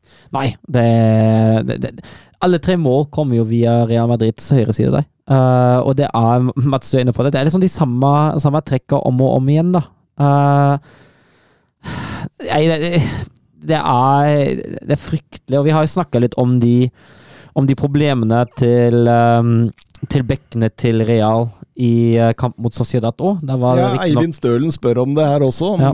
Er det, det et av de svakere ledda i laget? Ja, altså, altså det, jeg føler jo altså det er jo Ja, på en, ja det er det. Jeg har jo tro på Fran Garcia på sikt, for all del, men han er jo ny i det laget der. Uh, Vaskes uh, veit vi jo hva begrensningene er, for all del. Altså, han er jo egentlig ingen høyrebekk heller. Eh, også, men det handler jo vel så mye om at du snakker om de to mot én-situasjoner. Jeg er helt enig, for det handler veldig mye også om støtten som man får fra midtbanen. og det er, det er vesentlig. Det er vesentlig. Og den, den diamanten Jeg føler at Angelotti sliter litt med å finne ut det defensive på, på de to sentrale i halvrommene i den diamanten, som sørger for at bekkene ofte blir satt i dilemmaer mot lagene som klarer å utnytte det. Og Han justerte det riktignok godt mot Sociedad, men han klarer ikke å justere det mot Atletico. Men, men også den 5-3-2-formasjonen når du spiller med diamant, den er litt lei. Mm. Fordi du havner i undertall både sentralt på midten hvis du mangler tieren din, og du mangler Du havner også i undertall eh, bredt i banen hvis indreløpere er for langt unna. Så det vil da si én kjapp vending, så er Real Madrid allerede i undertall. Og det så du Real Madrid, eh, Atletico Madrid klarte De prøvde i hvert fall på det. Jeg syns Atletico var fryktelig slurvete i pasningsspillet i den kampen. her, At de ikke blir straffa mer enn de gjør. Det, det er litt rart, spesielt i starten, for de slår støttepasninger hit og dit, og ballen går om hverandre. Men Real Madrid greier ikke å, å ta det, og, og Atletico eh, pusher bare på bredt. Marcos Llorente, eh, Samuel Lino, Saul har en bra match, Niges. Og, og Morata får jo overraskende god plass i boksen altfor ofte der, og der er det jo Alaba og Rudiger også, som har tellefeil stadig vekk. Så, men, men, men det ser jo ut som Real Madrid eh, liksom på en måte finner litt ut av, ut av det. og Fram mot pause så er de jo best igjen, og man tenker jo nå kommer de ut med momentum her. Og så, så er det flatt batteri, og 3-1 står uh, før omtrent publikum har satt seg. Ja, altså, De får 2-1 der, og da får de et momentum. Og, og da er det litt samme effekten sånn som vi så med Celta. Hvordan de plutselig Oi, nå har vi noe å tape. Og så skuffer bare Real Madrid på siste kvarteret der. og Skaper kanskje ikke all verdens med sjanser, har noen langskudd som Oblak redder, men, men eh, de får i hvert fall momentum og får trykka dem litt bak. Og da er det som du sier, når andre omgang begynner, da, så tenker man jo at ok, her, her må Real Madrid bare fortsette. Men de, de mista momentumet. Atletico får igjen en tidlig scoring, og derfra ut så virka det nesten som om Ja. kampen var avgjort. Ja, helt klart. Helt klart. Eh, Ja, godt trekk også med Witzel, forresten. Uh, Kåke fiksa ikke helt det defensive sentralt der. Uh, Witzel inn var, var et godt trekk. Mm. Og den blir frustrerte på overtid der. Du ser Bellingham feier Angel Korea Mm. på overtid der i, i rein frustrasjon. Og, og, og Bellingham, som vi har skrytt så mye av denne, denne sesongen, han kom ikke til sin rett i det hele tatt, og var mest frustrert og forbanna, egentlig. Ja, jeg skjønner det, som Mats er inne på det. Altså, han, altså, han var bortkasta som spiss, eh, og så har jeg klart å, å ligge unna med to mål mot et Diego Simione-lag i andre omgang. Det, det er ikke det letteste å spille mot heller. Nei, Så får han lite hjelp av Rodrigo. Syns han er svak igjen. eh, har kun ett mål på sine siste 25 avslutninger. Det er en conversion rate på rundt 4% som er tredje lavest i topp fem-ligaene denne sesongen, bak Marcus Rashford og Ebriese Ese. Det er ganske ville tall, egentlig. Mm. Ja, men, men dette snakka vi også om. Dere snakka om bekkene som et svakt punkt nå, riktignok med, med et par eh, skader, men de riktignok på vei tilbake igjen, og Carvahall ute. Men, men spissplassen er jo Altså, det er fortsatt nesten litt ufattelig at Real Madrid ikke henta en, en klar nummer ni. Man ser jo i kamper som dette her, de lider jo kjempemye ut av det. Bellingham må spille ut av posisjon, Rodrigo spiller litt delvis ut av posisjon, Modric spiller litt ut altså de, én mangel, da, så, så må de rokere så mye som de gjør. Og det er klart, de har fått, eh, de har fått eh, godt betalt så langt i sesongen med at de har klassespillere. Men systemet så langt ser ikke, ser ikke veldig overbevisende ut. Jakob på hoff, eh, lagbyggeren Xabi Alonso, eh, er ikke nøyaktig dette Real Madrid trenger nå. Høres ut som en glassklar suksess, skriver han. Ja, jeg er helt enig. Det, jo, altså, det er jo kanskje naturlig avtaker for Carlo Ancelotti, særlig med tanke på det han får til i Leverkosen nå. Eh, det blir jo, blir også en mer, mer dominant og en mer offensiv spillestil med Alonso Virora. det blir litt mer Real Madrid-like. Eh, så jeg, jeg tenker absolutt han hadde vært en veldig, veldig god kandidat. Men, men, men samtidig, da. Det å være manager for Real Madrid kontra Abay Leverkosen, det er to forskjellige ting. altså. Mm. Det er mer politikk. Det er, det er, det er mer Florentino Perez. eh, og, sel, og selve managerrollen kan, eller skal, ha en del andre parametere eh, der. Altså i, I Leverkosen da, eh, Han har nok større innflytelse på hva som blir henta, enn han vil få i Real Madrid. Eh, det kan være et farlig scenario for lagbyggere, det. Eh, Samtidig, altså, samtidig, jeg er enig med deg, men samtidig hadde vi ikke akkurat Johan Nagelsmann som kommer til en storklubb første gang i sitt liv. da. Eh, vi snakker en fyr som som spiller har spilt i Liverpool, Real Madrid og, og Bayern München, som kjenner til den klubben. Han kjenner til uh, Perez, han kjenner til strukturene. Og det tenker jeg er en kjempefordel mm. I de farene som du beskriver. Jeg er helt enig i farene du beskriver, altså. men jeg tenker at han kommer jo inn med en fordel. Ja, men jeg tenkte det var greit å ta det med, at det kan være en fallgruve på en sånn type manager, da, fordi det er jo ofte Angelotti, Zidaner, de som kan garderoben, de som kan på en måte håndtere stjernene, og de som kan motivere og, og, og, og, få stjernene der til å skinne. Det er jo ofte de så, som, som treffer 100% i sånne klubber. Eh, som er veldig presidentstyrt og veldig styrt av politikk og alt det der. Det er, ikke så lett å gå inn og si at vet du hva, eh, av dybdeforskjeller defensivt her, så ønsker jeg han inn for å kjøre et press, så han må vi hente inn. Er, eh, nei, da, da, sier vi, da, da, da, da kikker Florentino Perez på deg, og så sier han Who's the best? Men eh, nei, men altså som Barca-supporter så, så håper jeg virkelig ikke at Xabi Alonso kommer. Jeg sitter med en følelse av at han kan gjøre noe helt stort, men materialet Real Madrid har akkurat nå, er jo ikke 100% ideelt for Xabi Alonso heller. Altså Han trives jo best med en litt større, sterkere spiss. Mm. Så, eh, men det er klart, får de inn Mbappe, da, som også fortsatt ryktes til Real Madrid, så så vil jo mange managere uansett lykkes der. Nå taper eh, Via Real-poeng. eh, Betis eh, taper poeng. Didrik Tofte Nilsen spør kan lag som Girona, Atletic Club og Rayo være med på å kjempe om en Champions League-plass denne sesongen? Det er jo svært åpent bak de tre store, skriver han. Ja, de kan jo, kan jo selvfølgelig det. Det som er fordelen med, med klubbene du nevner, er jo at det er ikke noe Europa der. Sociedad, Betis, Betis, Villarreal. Eh, spiller jo alle Europa, så, så de får litt ekstra, ekstra matching der. Men eh, eh, Girona har jo et fryktelig spennende lag, eh, så skal ikke avskrive det helt. Rayo tror jeg ikke kommer til å klare det. Jeg tror de lever fortsatt litt på Iraola hypen som han etterlot seg. Så jeg tror de kommer til å dette litt av. Bilbao er jo en stor klubb, eh, så at hvis de skulle klare Europa, så er ikke det noe sjokk. Um, Så får vi se. Eh, Jeg tror fortsatt Sociedad har et høyt toppnivå, så de kan eh, fortsatt være med der. Eh, vi ser med Villarreal. Ja, det Sørloth skårer mål til ofte til ingen nytte. og, og Betis Jeg husker ikke hvor jeg hørte det, men det er det laget i topp fem-ligaene som produserer minst sjanser, hvis vi ser bort fra Empoli. Såpass, ja.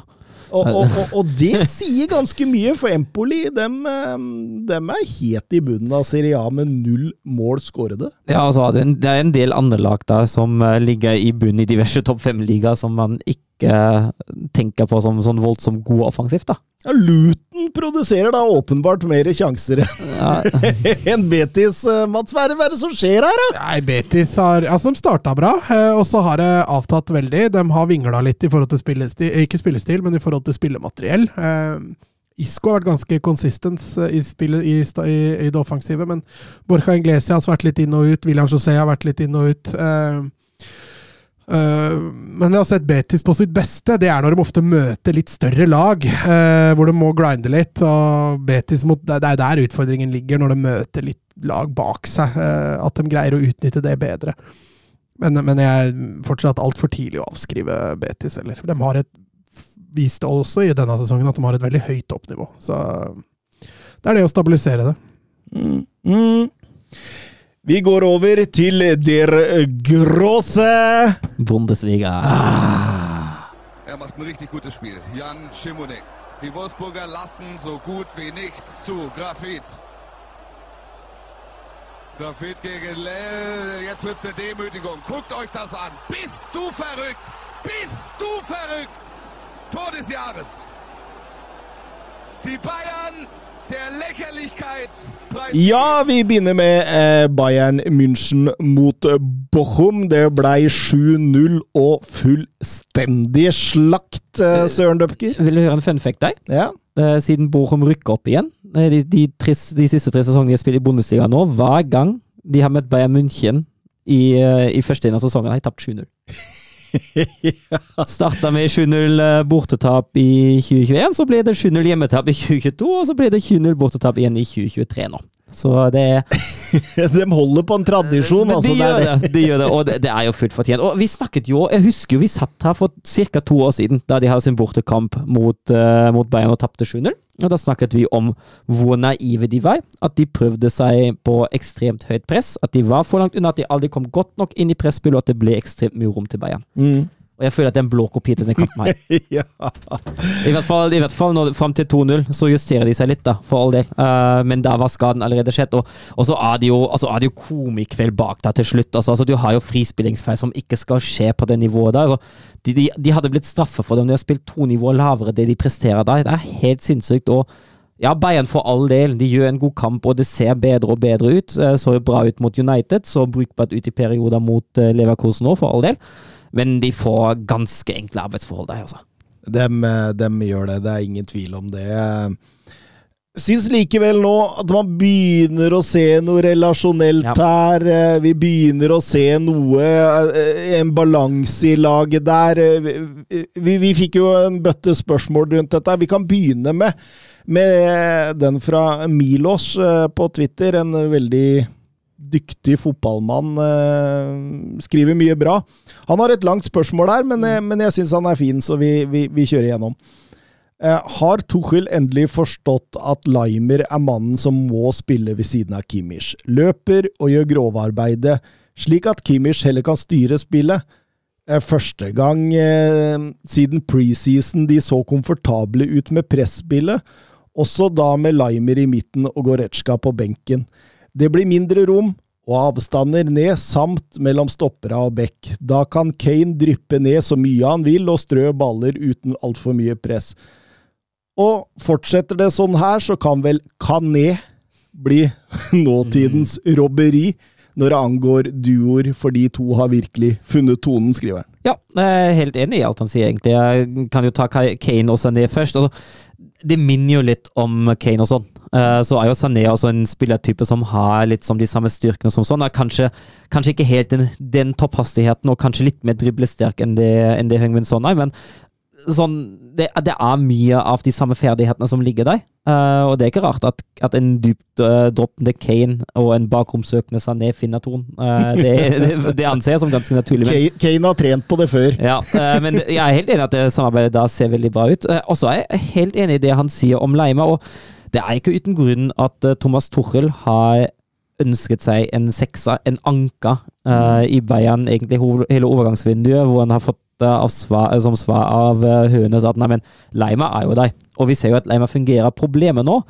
er jo at man har solgt Pavard uten å hente inn eller uten å få inn en erstatter. Uh, så Leima er jo akkurat nå så første backupen for Masraoui på høyre back. Uh, og for Bayerns del frykter jo at han må spille der en del eh, etter hvert, hvis ikke Toril finner på å skyve Kimmich over. Det har vi allerede lært før, at Kimmich ikke er sånn voldsomt glad i. eh, så jeg tipper at det prøver han å unngå. Så vi får se. Eh, men jeg er helt enig at den balansen mellom Kimmich og Leima så veldig bra ut, og at Kimmich har godt av å ha en mer dyptliggende spiller ved siden av seg. Helt klart. Helt klart enig. Og du så liksom litt sånn Jeg syns Kimmich pila pekte litt nedover fra sånn midtveis Nagelsmann-perioden. Og så ser det ut som han er litt på vei oppover nå. Det, det handler om nettopp dette Milos sier, at eh, du får en sånn grovarbeider. En som gjør den drittjobben, så kan han Ja. få lov å føle seg som den lille stjerna da, som styrer Ja. spillet der. Og så er jo egentlig problemet at Leima i den rollen nå er jo veldig viktig. Så, og, altså, er Goretzka en spillertype som mer ligner på Kimmich enn på Leima. Eh, så egentlig bør jo Toril ved behov skyve Kimmich ut på høyrebekk, og det er veldig spennende å se om han gjør. Jeg, Ja, jeg, tviler, jeg, tviler, jeg tviler på det. Han har vel lært av forgjengeren, tror jeg. Ja, ja. Ja, han fikk høre det, han. Eh, Gustav Horndal. eh, Blir Bundesliga for enkelt for Harry Kane? Går fra en middels plussklubb i verdens tøffeste liga til det beste laget i en svakere liga. Skjønner ingenting hvis ikke han får 35 pluss når 23-24-sesongen er historie. Eh, jeg- jeg skjønner, skjønner spørsmålet, og jeg, jeg er i utgangspunktet enig i premissene hans. Uh, Premier League er verdens beste liga, og Bundesliga er jo sportslig selvfølgelig ikke like sterk som Premier League. Uh, men jeg syns ikke det blir helt rettferdig å si at Bundesliga blir for enkel for Kane. Uh, jeg tenker vi heller ser det som skjer nå, en absolutt toppspiss finner seg et absolutt topplag, som får flere sjanser, som har et bedre kombinasjonsspill, som Kane er veldig god i. Og vi har jo sett det samme med Erling Braut Haaland i Manchester City. Uh, han har jo gått fra Bundesliga til Premier League, uh, til en tøffere liga for all del, jeg er helt enig i det. Men uh, han har jo ikke gått ned på antall skåringer, han heller. Så jeg tenker heller at det som er, De er at beste han- er best overalt. ja, de beste er best, og han får bedre medspillere. Og han får flere sjanser i et, i et mer dominerende lag som Bayern er. Og så er det litt spillestil der òg, da. Mm. Sånn som i kampen nå, hvor han plutselig dukker opp og får noen sånne enkle tap-ins. Er ikke så vant med det heller fra Tottenham-tida. Altså, Får noen han får noen gratismål nå, eh, som han ikke har fått tidligere. da. Eh, så spillestil, ja. Eh, men også hans egen spillestil må jo påvirke skåringstallien her. For hvis han vil spille som han vil, så kommer han til å droppe en del. Mm. Eh, hans første hat trick i Bundesliga eh, i denne kampen. To rekorder for ham, da. Eh, Første Bayern-spiller som starta med sju mål på fem kamper. Ja. Og første spiller noensinne siden det har blitt registrert siden eh, jeg tror slutten av 90-tallet, som har ti målpoeng i de første fem kampene han spiller. Og den fjerde engelskmannen i Bundesliga med hat trick. Oi, ja. Jaden Sancho, Mm. Kevin Keegan, Ja, herregud. For Hamburg, ja. og nå, Mats, hold deg fast, Tony Woodcock. Det ser trekk ut der, altså. Det er ikke gøy. Jeg bare Dette må være kødd, men, men, men, men det var ikke det! Nei, det var nok ikke det, nei. Oh, Woodcock. Ja, nydelig.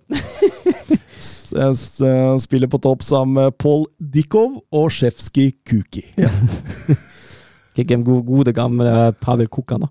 Ja, ja. Og så hadde du han Pikk på venstrebekken på Estland, var det ikke det? Ja, og så hadde du Kaiserslautern, der de spilte på nivå 2 og nivå 3. De hadde både pikk og dick. I en periode. Det er deilig, vet du. Det er humor. Det er, det er, det er ganske humor. Eh, vi må over til eh, Dortmund eh, Wolfsburg. Eh, kan jo begynne først som sist med spørsmålet, Søren. Eh, regner med vi vikler oss litt inn i hva som er feil etter hvert. Eh, Stølen eh, ved Eivind med fornavn Søren, du virka ganske frustrert. Etter helgens Wolfsburg-kamp kan vel si at du har hatt et opp- og ned-forhold til Kovac i lang tid nå. Er det på tide at Kovac tar hatten sin og drar videre? Og hva skal til for at Wolfsburg når sitt makspotensial og vil være med i en tetstrid? Ja, frustrert. Jeg er egentlig fortsatt frustrert. Eh, For jo lengre jeg tenker over den kampen, og jeg driver fortsatt og tenker over den, eh, desto mer føles det som bortkasta. Det føles som en bortkastet mulighet der. det irriterer meg mer enn å, enn å gå på trynet i Hoffenheim, der man er dårligere i 60 minutter. Eh, men dette her var så innmari unødvendig. Eh, vi kan jo starte med kampen først. Syns inngangen er grei. Mot ballen en, en ganske Litt defensivt, eller? Litt defensivt, ja. Jo, jo, men jeg, jeg ser, jeg ser hvor han, hvor han starta. Jeg skjønner hvor han starta fra. Fordi han, han starta i, en, eh, i en ganske smal 4-4-2. Og han, altså, Wolfsburg og Kovacs inngang er veldig gode til å låse av, eh, til å låse av midtbanen. Og selv om han starta defensivt, er det lave presset der. Eh, Jeg syns presspillet i første omgang er bra. Det Wolfsburg sliter med i første omgang, er jo når Bein og Gittens bryter seg fri på venstre fordi man er så smal. Tjerni Czerny gjør en horribel kamp. Eh, Defensivt er det jo null støtte å få fra ham. Eh, og Rogerio står altfor ofte feilplassert, og de vendingene ut bak ham og rundt ham, ut på Dortmunds høyre, det takler han veldig dårlig. Det er da det blir farlig. Ellers har jo Wolfsburg full kontroll på midtbanen, eh, i hvert fall defensivt. Og så er jeg enig med deg. Jeg syns man bør justere presset høyere opp etter hvert. Eh, jeg skjønner at den starter sånn, det er helt greit. Særlig borte på Vestfalenstadion, helt i orden der. Men den justerer seg ikke. Eh, og det som gjør det enda surere, er at man justerer seg igjen ned og passivt etter pausen, og det har jeg snakka om mange ganger den sesongen, og allerede forrige sesong. At man blir så innmari passiv. Enn så lenge har man gjort det veldig ofte når man leder, men nå blir det mer og mer passivt. Og da forsvinner også det lave presset som Wolfsburg var ganske gode i første omgang. Plutselig står, de, står Dortmund-spillere 30-40 meter unna Wolfsburgs mål Farbar bare få strø pasninger inn i boksen. Og det der, der er mentalt, vet Ja, du. det er det. Selvfølgelig. Det er kommer fra den defensive inngangen som Kovac har, fra mangelen på oppjusteringer oppover, og da forsvinner det lave presset. Uh, og det er jo konsekvensen er jo at Dortmund går opp 1-0 ved Marco Reus. Uh, Dortmund skaper sjanse i andre omgang. Uh, og så klarer man ikke å legge om bryteren. Og så skjer det, det kommer ingen impulser fra benken. og Når det først kommer impulser, altså De byttene han tar da, den, den bytter ikke et trippelbytte etter, etter 70-75. Det skjønner jeg ikke bare, for han tar ut Jonas Wind, den eneste som har en slags farlighet framme der. Altså, altså, Vi skal over til en, en Rudi Garcia som trengte mål og tok ut Victor ja, Oshimene. og altså, altså, altså det, det, det jeg hadde gjort da hvis jeg var Kovac i den situasjonen da altså, jeg, har, jeg har ønsket meg en ny kant, så jeg syns det, det byttet som han tar før, med Kaminski fortjener det, var helt riktig. Det er fint. Men i den situasjonen da, når det står 1-0 så skal han ta ut altså Av de tre byttene han gjør, han skal ta ut Svanberg og få inn Sa, og så skal han spille en høy 4-4-2, alternativt en 4-2-4, for å legge litt press og kjøre litt på, og så får det bare bare bli baklengs meg, bare kontra i senk hvis det går skeis. Men det da blir så feigt. Og det er det som frustrerer meg, at det var så feigt. Altså, vi Prøver ikke skikkelig engang, liksom. du ser et Dortmund-lag som har vært spillemessig så dårlige som de har vært. De har vært dårlige i Freiburg, da har de vunnet. De har vært dårlige i PSG, de har vært dårlige mot Wolfsburg, for offensivt var det flatt batteri for Dortmund igjen. Uh, og, så, og så går man inn og er så feig, og uh, det er det som frustrerer meg. at hvis man bare hadde løfta seg litt og prøvd litt og satt ordentlig press på de som Heidenheim gjorde, som Bochum gjorde, som Köln Ja, greit, det gikk skeis, men fortsatt gjorde det, da. Mm. Jeg skjønner det ikke. Jeg skjønner ikke at man har den defensive inngangen. Og det er litt sånn det, da, at for, for å gå videre på spørsmålet, at jeg føler at sånn har, sånn har det vært med Kovac en god stund, at man har vært Istedenfor at man, når man leder 2-0, istedenfor at man fortsetter å spille og styre når man har kampen i sin kontroll, eh, så legger man seg ned, og så får man 2-1 i sekken, og så blir det, altså, kaster man det bort igjen, da. Mm. Det har vært litt mange kamper i det, i det der, at det blir litt sånn feigt og passivt og defensivt. og Situativt syns jeg det er helt greit. Jeg syns det var helt greit mot Union, som har helt klart sine styrker i bakrom. Jeg syns det er helt greit å ha en defensiv inngang borte mot Dortmund. Men eh, summa summarum, da, så blir det for mye for feigt, for passivt. Og jeg har jo sagt det før, at jeg mener at troppen som Wolfsburg har nå, overgangsvinduet som sjefen har gjort som første gang som sportssjef, det har vært knallbra. Signeringer som, eh, som Meyer og Mæle har vært helt enorme. Uh, troppen som vår på kai, det er topp seks. Men troppen pluss trener er jeg jammen meg ikke sikker på om det er topp seks. Og jeg mener at et soleklart krav for Kovac i år må være topp seks. Og hvis han ikke klarer det, må han ut. Uh, for min del uh, Altså, det skjer jo ikke etter en, etter en åttendeplass, men for min del kunne man gjerne ha starta sesongen med en ny trener. Jeg tviler på at noe skjer nå. Så lenge man ligger litt i den skåpa man ligger i nå, så vil det ikke skje noe. Um, men Nei, jeg føler Altså, det, det er det taket da som vi snakker om, og det taket ligger sånn omtrent der er nå. Syvendeplass. Det er da taket til Kovac er, og jeg ser ikke at det går særlig mye høyere med ham. Og dette taket, Mats, det har vi jo snakka om. Ja, det er mange trenere som har den, og Kovac har vel fått høre det mer enn alle andre i denne podkasten av naturlige årsaker, så det, det, er- det, det er den klubben jeg er mest opptatt av i Ja, ja, podkasten. det er litt det jeg mener. Ja. Men eh, ja, nei, det det, Men, men, men det, er jo, det sitter jo en eh, Mark van Bommelen og gjør det ganske bra med Royal Antwerpen nå. Jeg hørte han hadde missa en registrering igjen. Ja, ja, ja, det er helt sykt. det er helt sykt. Han, det er og opplyst, da. nei, altså, altså han, han, den, da han var Wolfsburg-trener, så, så Ja, ja, det husker jeg. Da Ja, røyk ut av cupen. ja, ja, fordi han så jo på EM og trodde at når det er ekstraomganger var På Preuss Münster var det ekstraomganger, så trodde han at han lå for å bytte seks ganger. Men han hadde ikke det. Han, bytte, han hadde lov å bytte fem ganger, og så bytte han en sjette gang, og så blir det jo uh, tap, da. Mm. eh, etter kanskje han vinner kampen. Og nå skulle han registrere en spiller til, uh, til Champions League, og så hadde han rett og slett glemt den på listen han sendte inn. Var det en god spiller? Ja. ja Det var en av de bedre. det er Han må være kløna, altså. Ja. Han burde ha en assistent. Ja, altså, altså, det er sikkert ikke han personlig som gjør det her, men det er jo Neida. hans ansvar, da. Det blir jo det. Men, eh, er det ikke noe populært i politikken å ha en eh, barnevakt, har jeg hørt? Eh, kanskje, kanskje man burde se på noe lignende hos han? Eh, Men Hansi Flikka? Ja, han hadde jeg tatt. Ja. Lett, altså selv om det, selv, på det, tross for, til tross for den fadesen nå med, med Tyskland, men han jo Han slår meg jo som en sånn typisk klubbtrener, egentlig. ja. Så jeg, jeg, altså, hvis noen hadde tilbudt meg å få Hansi Flick istedenfor Niko Kovac, da, å ja. Joakim Løv? Eh, nei. Nei, men da, da, da, da er man liksom på stedet hvil, da. Og da kan man like så godt beholde Kovac. Ja. Uh, men Felix Magath? Åh, nei. Hæ? Han må jo være legende! Nei, han, den Men, legendestatusen men, ødela men var Felix Magak Maggot Maggot Maggot Ah, Felix Maggot! Var han aktuell for Tyskland-jobben? Nei, det var han nok ikke. Det, det, det så du rykter om det. Ja, jeg, jeg tror han sjøl, han sjøl sa nok at han igjen hadde lyst, men det var neppe. Neppe.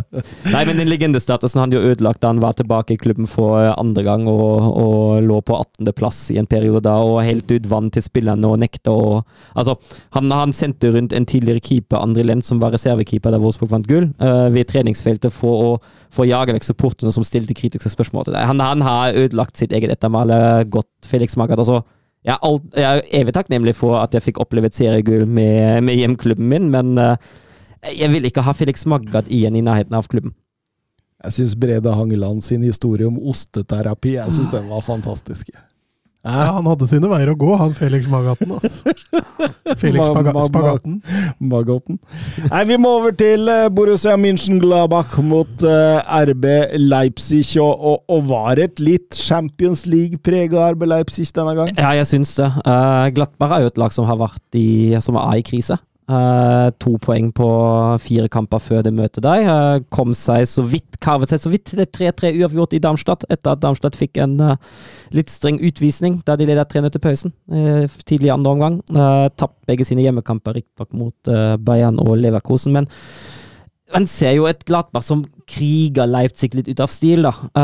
Det- er god aggressivitet. og ja, jeg syns, syns Leipzig ser ut til å gå litt på flatt batteri. Mm. Jeg er enig i det. At uh, det, det blir ikke helt det store. Det blir, sånn for, det blir for mye gjennom sentrum. Man finner ikke løsninger på det. Man går ikke i bredden godt nok. Og, eh, det er litt sånn tomt. Mm. Ser rett og slett litt tomt ut.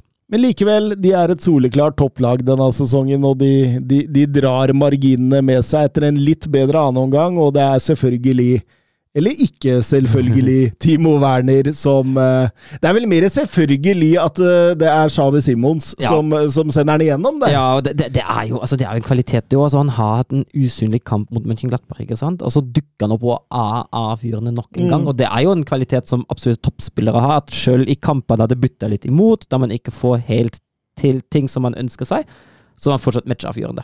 Mm. Uh, det, er, det er enormt, og han, uh, han har vært fantastisk den sesongen så langt. Og så er det ikke selvfølgelig at det er Timo Werner nei, som skåra, for han, han har jo vært i krise. Han har jo hatt en formdupp ut av dimensjoner. Uh, men det, Flere år. ja. Og, men det gjør han bra. Fin, fint løp, fin runding av keeper, og så er det ikke bare bare å skåre fra så skrått hold heller. Så det var, var bra gjort av Werner. Det der. Sett den helt opp i korsene Ja. der òg, da. Helt umulig å, å, å klarere ut. Og dermed vinner RB Leipzig 0-1, og, og taper ikke terreng til uh, de fremme. Det gjør heller ikke Leverkosen, som smadrer Heidenheim eh, 4-1. Eh, Litt sånn varierende Ja. gjennom kampen, syns jeg. Litt Men sånn varierende, men tok seg, tok seg til slutt sammen og, og vant 4-1. De har jo også hatt uh, Europa i midtuka. Uh, kan jo hende at det har noe å si. Eh, Frank Schmidt i Heidenheim sa jo etter, etter kampen at ja, ja, det blir 4-1, og det er jo det, det er jo et lag som skal være bedre enn oss. Det var jo det som var budskapet. Har jo, det ser man jo. Uh, varierende, men fortsatt fullt fortjent seier til Leverkosen der. 1-0-målet til Boniface der. Det, det, det, det, det er et sånt mål Det er et sånt mål som bare forteller deg at uh, jeg har blitt en superstjerne. Mm. Jeg er en nummer ni Mm. som du bare må regne med framover. Mm. Det er, det, er- det han er har vel vist det ganske tydelig siden han kom til Leverkosten nå, men jeg er enig, han befester vel egentlig bare nå at eh, jeg er kommet for å bli. Gjør to mål her, riktignok ett på straffespark, men, men har vel seks eh, Bundesliga-mål allerede. Ja, og det er, det er enorme tall. Han har funnet seg ekstremt godt til, eh, til rette i Bundesliga. Du ser det jo til og med i den kampen mot Bayern selv når han ikke skåra. Han er jo veldig vanskelig å håndtere for forsvarsspillerne, og han, han fyrer jo altså, Han har selvtillit nok til å Ja, skyte, ja. selv om han har medspillere i gode posisjoner. Ja, jeg, altså, jeg, jeg så en statistikk at han, han er den spilleren som så langt i Bundesliga har fyrt av klart flest skudd, og det var en god luke ned til andreplassen òg, så altså, herlig, herlig spisstype. Mm.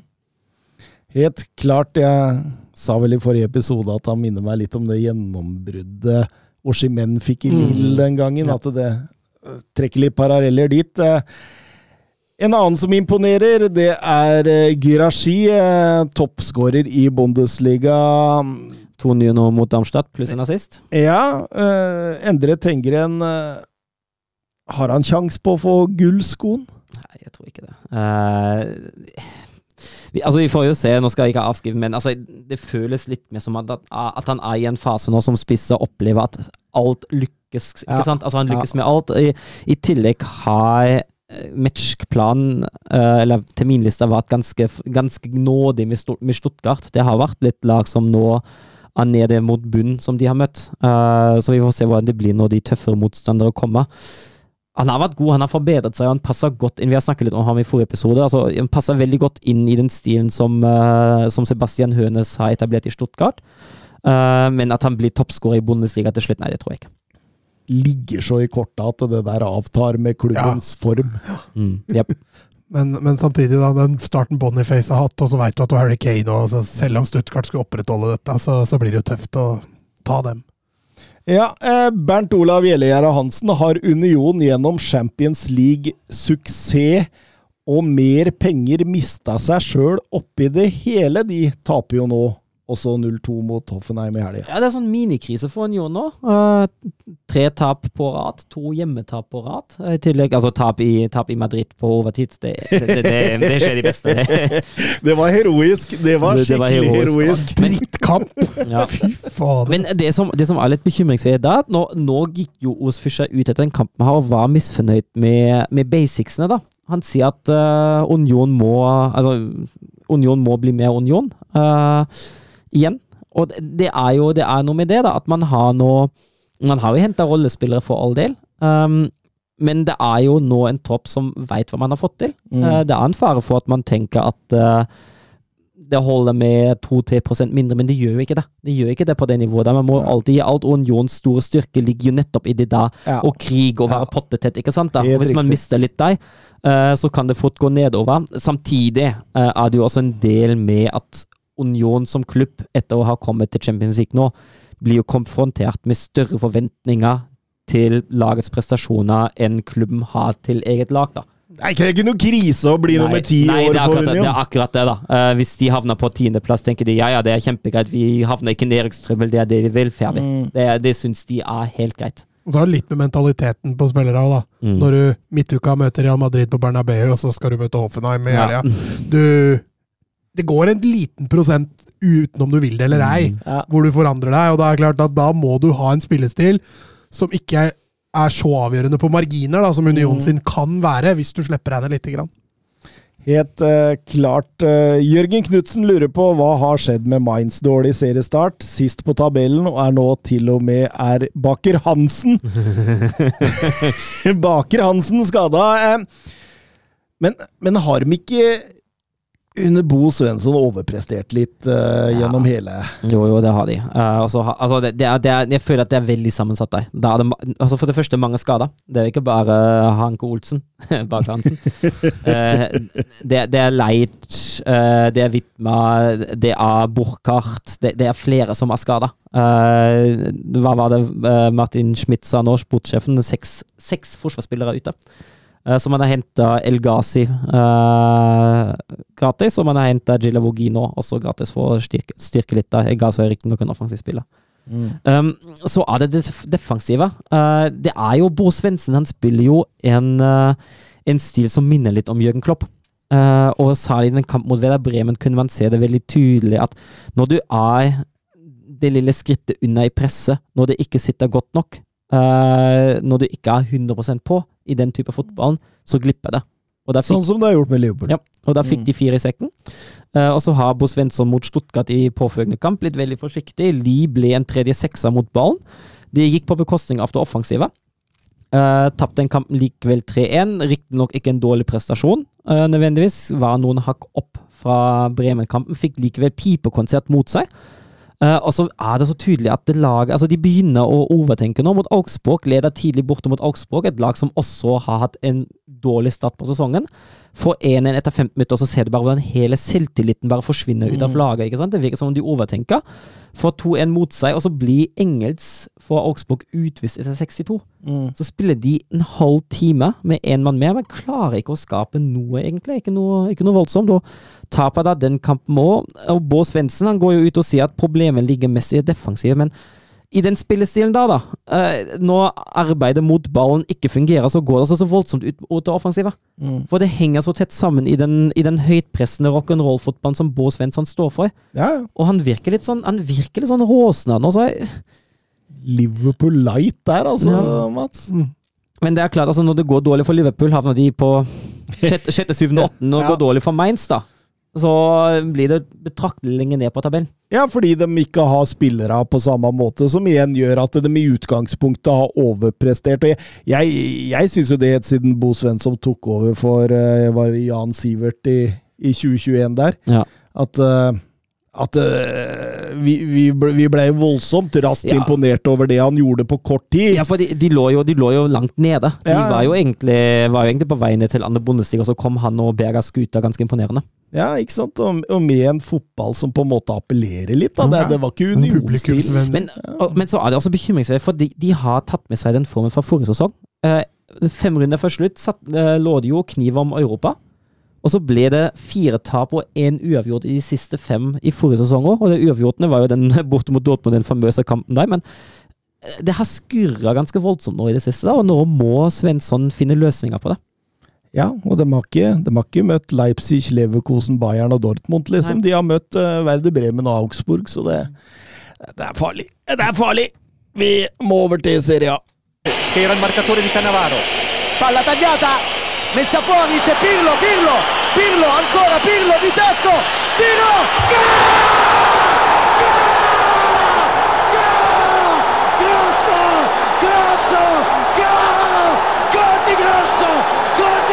I, vi begynner med Milan, vi. Eh, seier mot Hellas Verona 1-0. Pioli tilbake, med, eh, tilbake i den treeren bak igjen nå. Ja, Eh, hva, jeg, jeg tenker jo at det var forholdsmessig i forhold til hva som var eh, tilgjengelig av Mm. spillere, og, og, og litt sånn i forhold til eh, trøtthet, slitenhet fra Champions League osv. At han er tilbake i den vante formasjonen neste runde, men, men, men, men det var ikke en bra kamp. Nei! Det er ikke det hele tatt. Og verken offensivt eller defensivt. Altså, leder tidlig 1-0 ved Rafael Leao, greit nok, men det, det ser ikke trygt ut uh, i forsvaret. Og så, og så er det ukreativt. Det, det går litt sånn Det går litt sånn seint i Milan-laget når de har ballen. og Litt heldig jeg vil jeg nesten si. altså.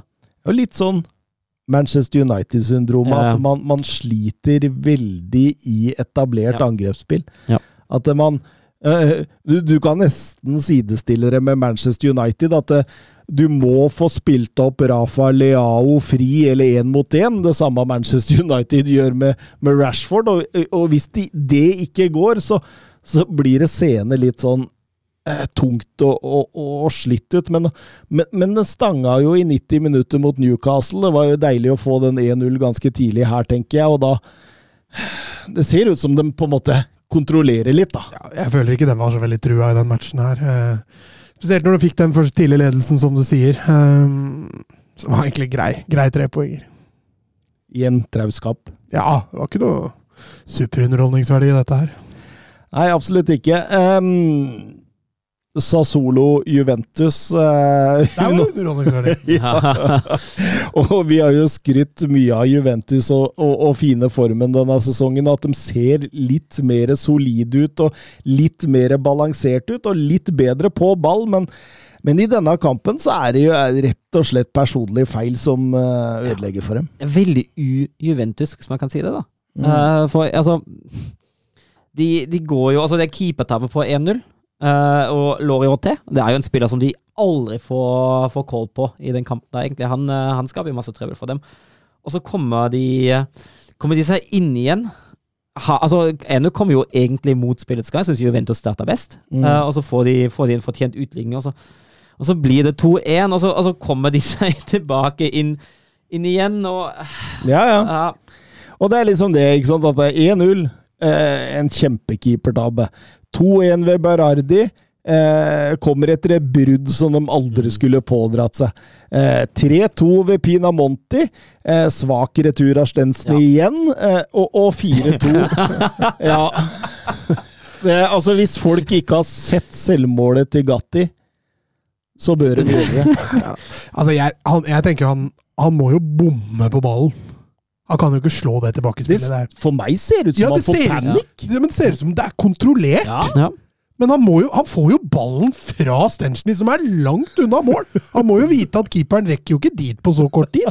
Nei, Eh, Jonathan Hobber det som eh, sier at det er et av de sykeste selvmålene han har sett eh, i nyere tid. Greit nok at han er en dinosaurstopper, men ærlig talt og Det er vel kanskje en, en god påminnelse, dette om at Pep har rett. Stoppere bør kunne spille med ball i beina. Eh, Jo, men Altså Dette er junior, Ja, eller dette er miniputt-nivå, er det det du skal fram til nå? Ah, altså, dette er så lavt teknisk nivå og fotballforståelsenivå da, at eh, det skal ikke forekomme i en toppklubb, egentlig. Nei. Altså, Jeg veit om en i en, en podkast som, som handler om Fugla. Han hadde satt han på overgangslista umiddelbart. Hadde ikke fått lov å spille igjen for den klubben. Er det Trym Hogner du er tenker på? han jeg tenker på. Eh, altså, det er nivå på kort corner når vi trenger mål. Nei, fordi men, men det er jo faser av spillet som er bra for Juventus. Ja, ja, ja. Altså, Salih eg- eg- Egentlig, altså De styrer jo egentlig i hvert fall første omgang. og er er banens beste Ja, for ja, er enorm.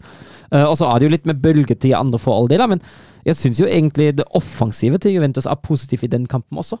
Mm. Og banespill også, for all del. Uh, men som du sier, altså, sånne juniorfeil bak, det, det kan man ikke tillate seg.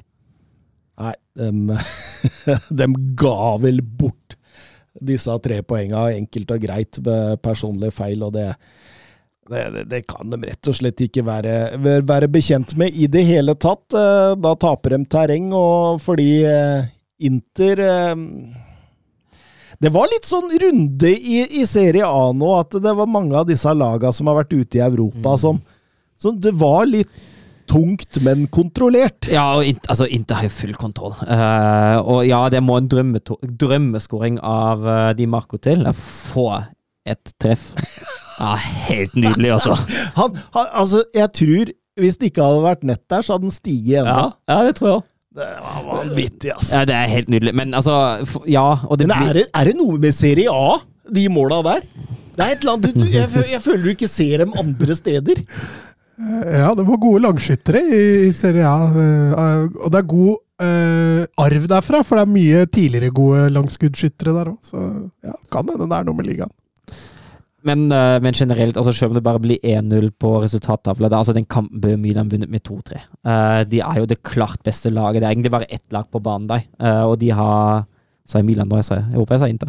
Men Ja, det er De heter jo Inter Milan. Ja, ja, men, eh. De gjør ikke det lenger. Nei, de gjør ikke det. Nei. Men uh, Inter, i hvert fall. Um, er, det, er det klart beste laget, og Empoli er egentlig litt heldig at de slipper unna med kun 1-0. Ja, eh, Empoli var jo det te, kun det tredje laget i Serie A's historie som har gått fire strake fra start uten poeng og uten mål. Eh, nå går de fem strake på rad. Det er det eneste laget som har gjort det i Serie A's historie. Eh, Det er ugrei rekord. ja, det er det.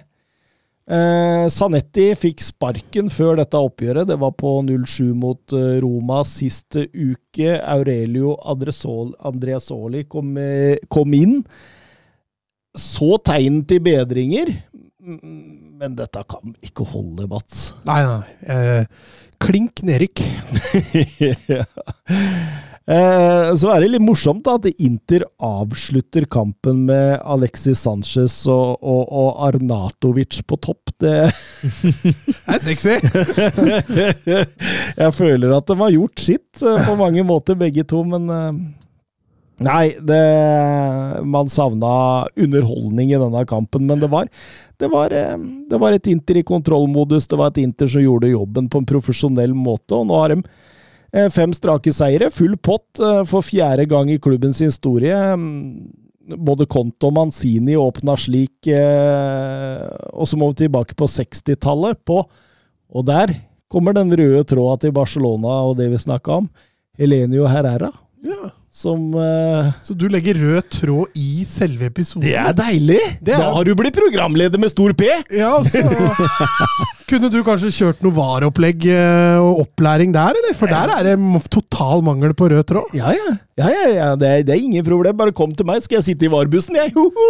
På alle matcher. eller? Vi må ha rød tråd, vet du. Ja, må ha rød tråd. Ja, men jeg, det er tenk fasiten. meg i bussen, da! Ja. Tenk meg i bussen! Stakkars Arsenal. Første du tenker på. Stakkars Arsenal. Alt av filming blir tatt. um, Bologna, Napoli 0-0. Eh, Rodi Gassi-effekten slår til. Ja, det, det, det bekrefter vel bare det vi har snakka om. Ja, ja jeg syns det. Eh, ja, traust, kan man si det?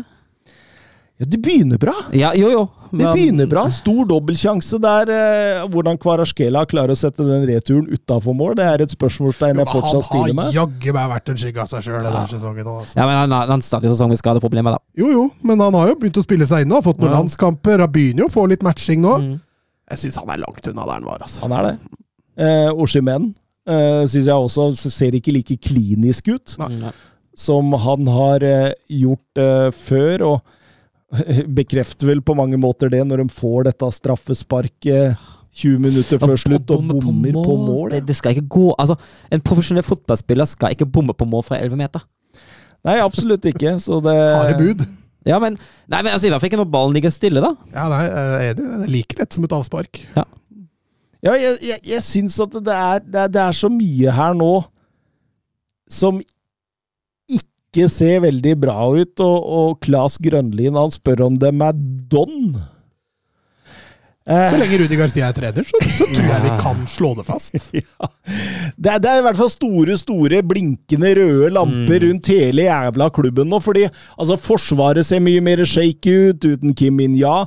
Midtbanen ser litt sånn forknytt ut. Det er den samme midtbanen som Spalletti Ja, men Lobotka er ikke helt der heller. Nei, nei, nei, nei, ikke sant? Og Angissa ser ikke like toveis ut. Jeg syns Zelenskyj ser ut som han hadde mest lyst til å dra til Saudi-Arabia, ikke veit jeg.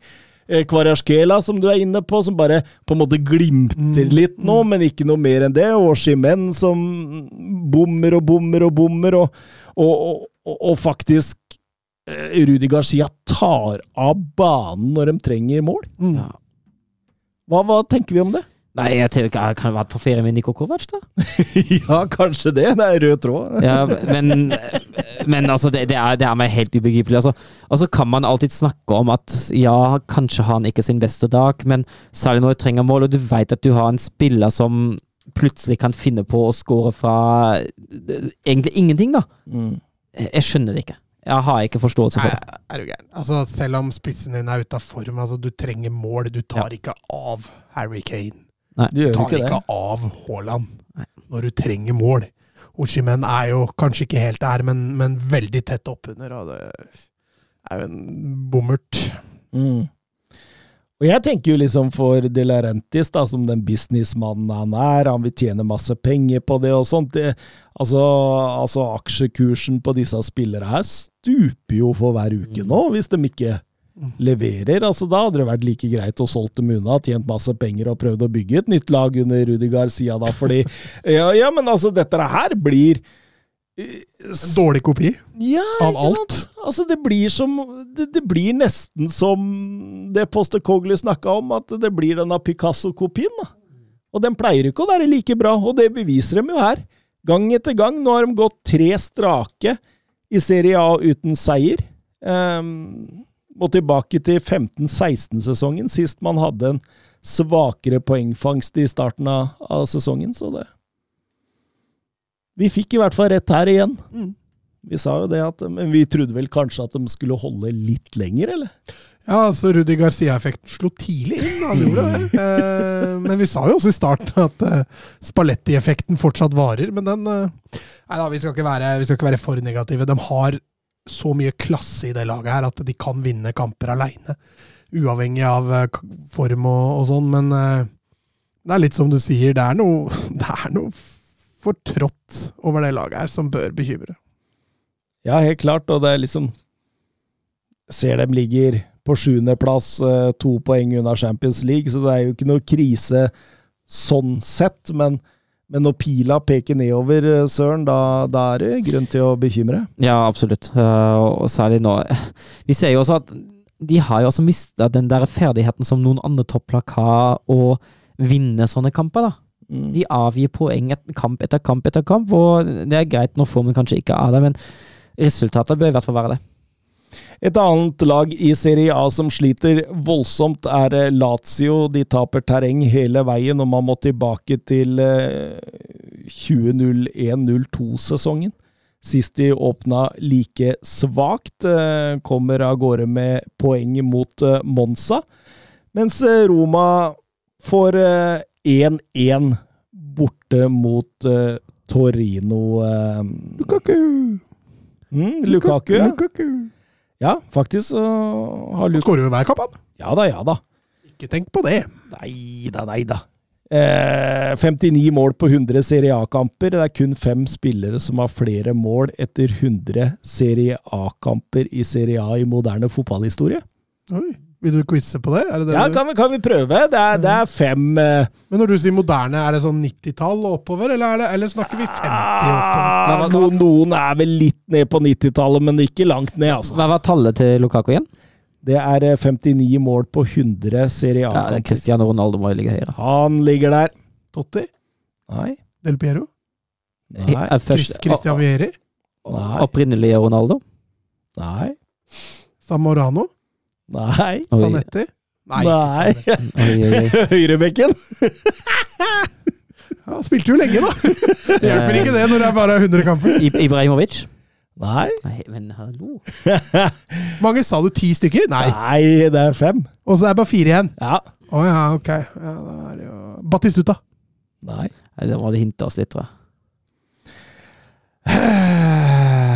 Føler at vi bør ha tatt noe her, altså. Sjokoladepålegg. Å ja. Um, Iguain. Ja. Ukrainsk Det Shevchenko. mål, Ja. Inzaghi. Trezeguet og Mantella. ja. Vincenzo. Nei, fy faen, så mye klassespisser det har ja, vært i det serien! er helt sykt. ja, men det, Serie A er jo klassespisser. Ja. Eh, vi eh, går over til eh, league ah. sur la frappe de Messi de, De Mercado, Mercado, oui. Mercado, et, et là aussi on a un petit peu de réussite. Griezmann sur l'appui, c'était bien joué avec Giroud. Oh, Dans Sylvain Oh, Sylvain, il l'a vu. Oui. Kylian Mbappé.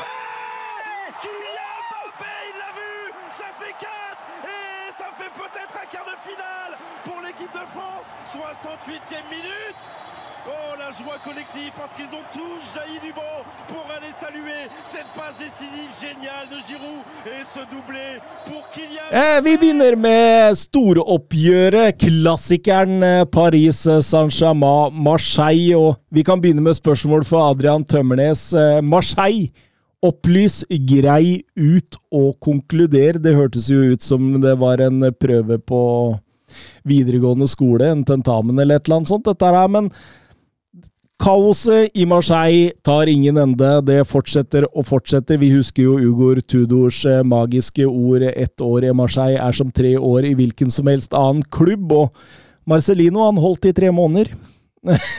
Sa vel Og, og det til tross for egentlig OK resultater. Ja da, ja da. Han sa vel opp selv etter å ha fått trusler fra supportere i et møte mellom fans og klubb der. og og eh, spesielt eh, misfornøyde var supporterne etter 0-0 mot Toulouse eh, sist helg. Klubben går ut offisielt og sier hele klubben er ekstremt skuffet over at Marcellino og hans medarbeidere forlater. Og, og, og det betyr jo det at klubben og, og supporterne nok en gang er på kollisjonskurs. Ja, det, altså, det skjer jo en gang per sesong, minst, når den er det. Det, det. det er jo helt sykt.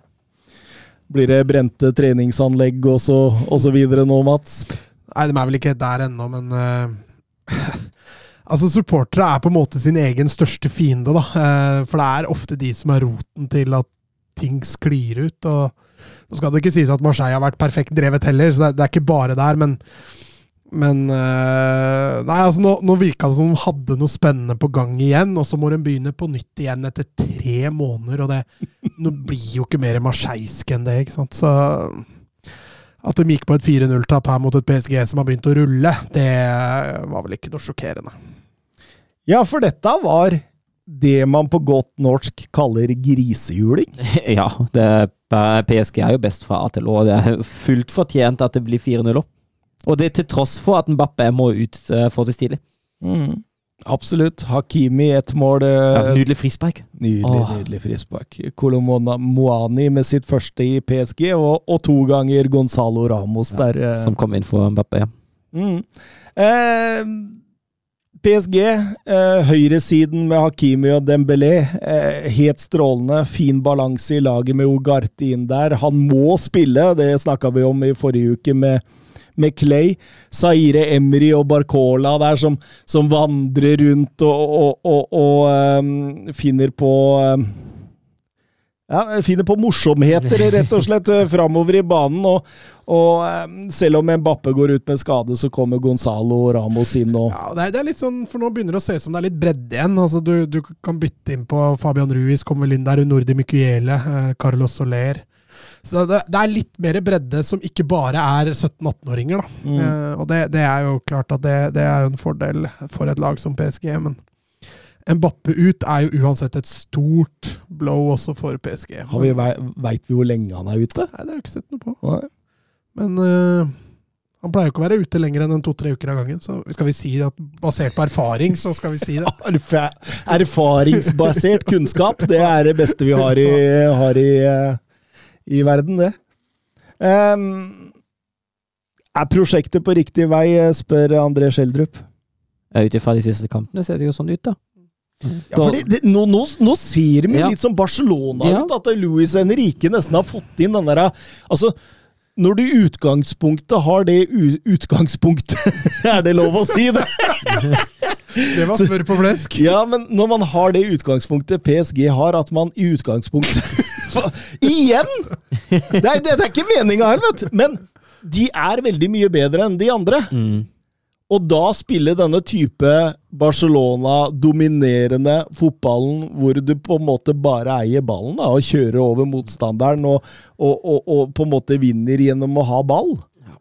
Så, så, og, og det fungerer. Altså, Stoppepar, Skrinjar har kommet inn der, tetta det. Eh, Det ser veldig solid ut nå. Ja, altså. Det men- ser ikke ut som de liksom er så veldig eh, utsatte for overganger heller. Nei, men det er PSG. Jeg vil ikke for tidlig friskmelde noe som helst, altså. Vi satt her på samme tid i fjor med Galtier og bare Ja, dette prosjektet kan være på vei til noe, også. Ja. Og så var det rasisme og Mbappe og hele Hele kjøret. Det er litt typisk fransk å lage Ja, Å lage Lage tull ut av noe, ingenting, ja. mm. Men eh, nei, det ser bra ut. Um, Det var også møte mellom de to lagene Paul Thomas Clay trodde kunne følge PSG lengst denne sesongen, hvis man så bort fra Marseille, og det var Monaco mot Nis. og Nok en gang sterkt av Nis eh, tar med seg tre poeng og, og virker egentlig Har har egentlig kommet ut i 100.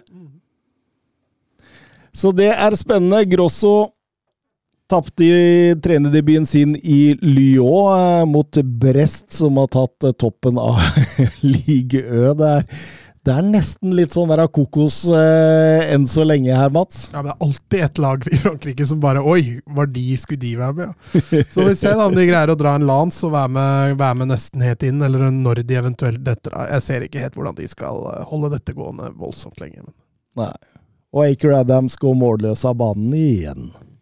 Han tok med seg formen fra Lillestrøm, og nå har han begynt å få printa inn litt nytt der, og da går det dårlig. ja, det blei riktignok eh, et godt poeng mot uh, Renn. Eh, selv om Renn nok var det beste laget. Lans også fikk med seg tre poeng mot Toulouse der. eh, fikk med seg også poeng mot Sevilla i Champions League. og Spiller en veldig god kamp mot Toulouse, og mm, kanskje de er oppe og oppadgående igjen. Um, er det noe mer vi vil ta med her, eller skal vi gå rett i europahjørnet? Nei, kjør på Tor Håkon. Tor Håkon. Bra jobba, gutta! Bra ball! Nei! Ah, grei offside. Tor Håkon, den er grei. Tor Håkon! Nei, Tor Håkon, det var din egen skyld. Ikke bli sint for det, i hvert fall. da. Tor Håkon, ikke kjeft på dommeren, og ikke kjeft på dommeren. Tor Håkon, nå hører du på dommeren. Er hver gang, altså. Hver gang. der. Ja, Søren Døpker, spørsmålene hagler inn fra August Landstad, fra Morten Colabox, fra, fra mange her. Nå må du opplyse oss hva i alle dager skjer i Ajax. Ja, det er en litt lengre historie. Vi kan jo starte ved helgens kamp. Ajax mot eh, Feyenoord. Ingen bortesupportere tillatt. Eh, Ajax har vært i en krise, har tatt fem poeng ut av fire kamper så langt mot overkommelig motstand. Og så ligger man da under 3-0 hjemme mot Feyenoord. Uh, før, gått, er før lagene har gått til pause. Uh, det flyr et ølbeger uh, i første omgang. Det flyr fyrverkeri i første omgang. Dommeren avbryter kampen kort. Og ti minutter inn i andre omgang så flyr det nye eh, ja, pyrogjenstander inn i boksen til uh, Feyenoords keeper. Og da bestemmer dommeren seg for at nok er nok. Og det som skjer i altså det, det er skammelig nok i seg sjøl, men uh, altså Ajax- Ajax-supporterne prøver jo å rive ned Johan Cruyff Arena, bryte seg inn på stadion. Uh, driver og kaster stein utenfor. Så det, det, det er riots. Det er, det er ordentlige riots. Uh, det, er noen uh, videoer som ligger ute på YouTube, og det, det er ingen fine scener der. Uh, så, og den kampen blir nå fortsatt uten tilskuere. De resterende 35 minutter blir spilt i morgen. Uh, da Ajax egentlig skulle spille mot Volendam, en kamp som blir utsatt. Uh, og både Ajax og Volendam har protestert. En som jeg har fått med meg, har ikke den protesten ledet noen vei, så det blir blir ny kamp mot, eller resten av kamp mot Feyenoord blir spilt i morgen.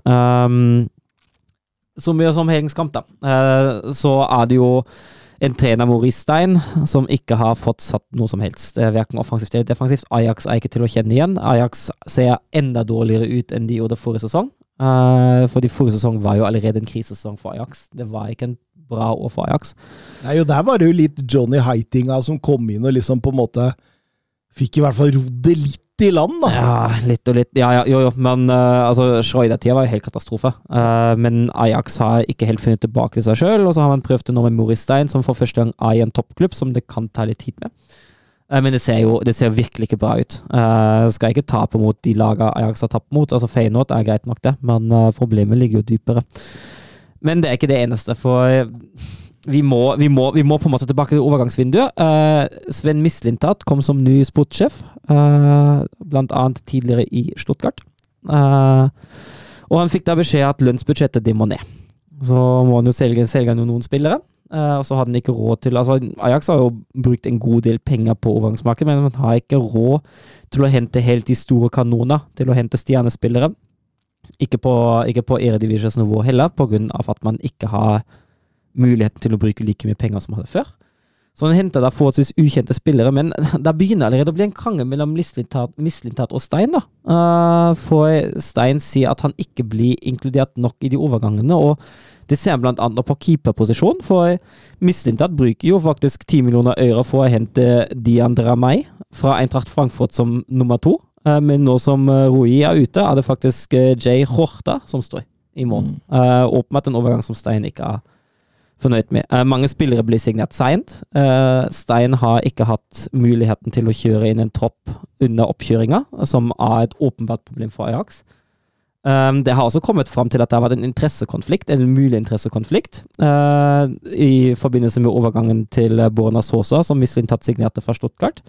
Det er agentbyrået Eika, eller AKA Global, som er heftig involvert i den overgangen. og dette agentbyrået er medeier i Mislintats dataanalysebedrift Matchmetrics. uh, og da har det jo kommet uh, altså, Og det blir jo etterforska nå.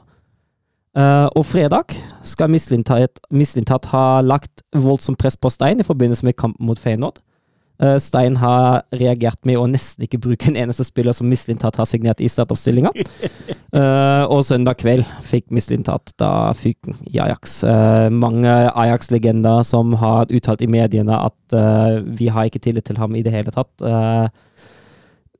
Det, det, har vært ekstremt mye rot. Mm. Maurice Stein står nok under observasjon her nå. Uh, jobben hans har ikke vært enkel, uh, men han har enn så lenge ikke vist at han takler en såpass stor klubb som Ajax i det hele tatt. Og akkurat nå framstår det jo som en klubb i fullstendig oppløsning. Og jeg er veldig spent å se hvordan dette går videre. Den kampen mot Feyenoord den, den er det jo egentlig altså bare å spille ferdig, men den der ser jeg ikke at de tar poeng i det hele tatt. Og så må man, uh, må man, opp på hesten for dette her. Altså, 3-3 mot Marseille uh, i midtuka i Europaligaen var jo kanskje et lite framskritt, uh, men det er, vel, det er, to likestilte klubber ja, da, på mange måter. Det, det, det, er mye kaos i begge. Er vi igjen på den røde tråden, ikke sant?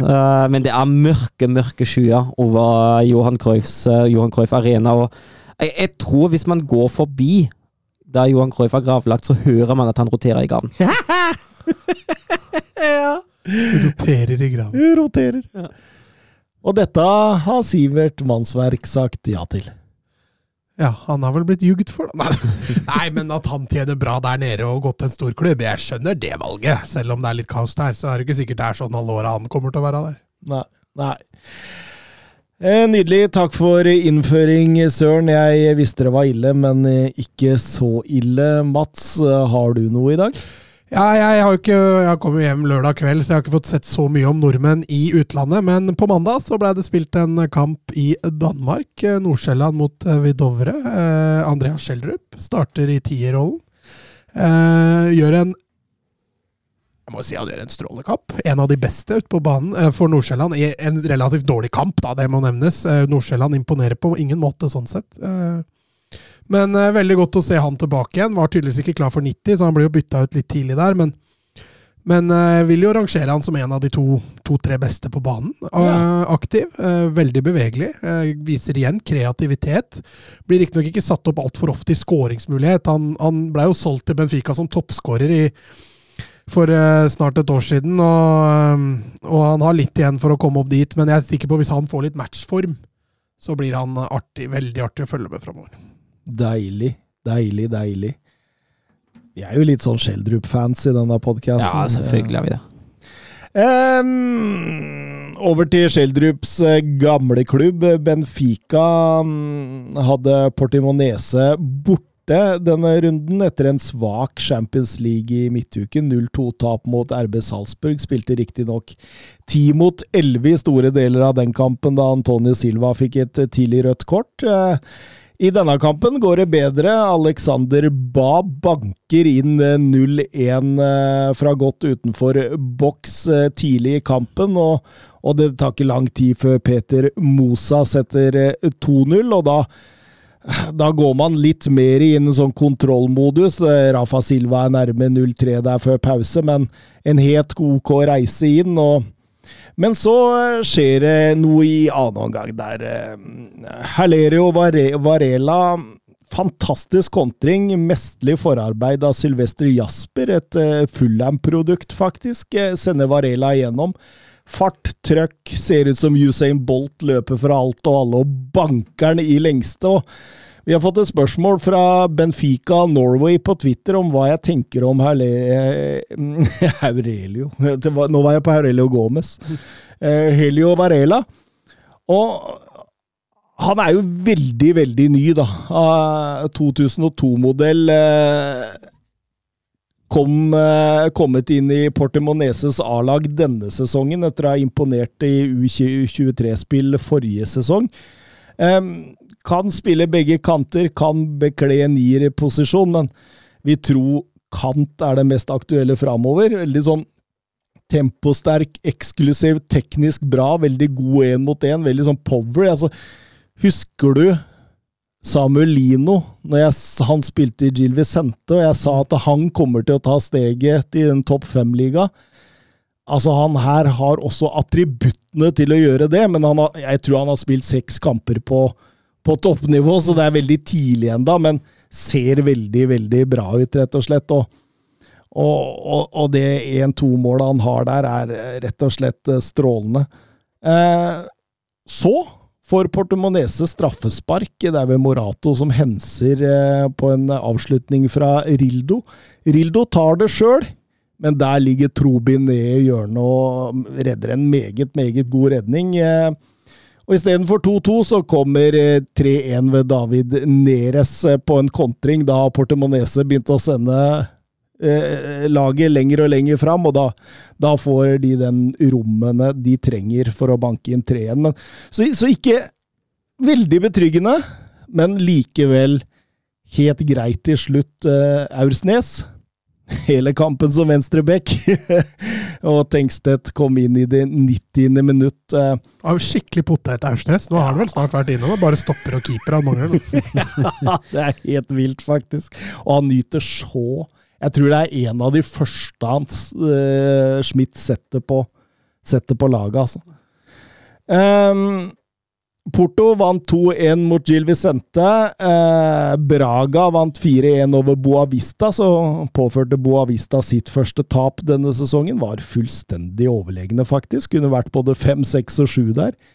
Og, og Sporting vant i går mot Rio AV med 2-0.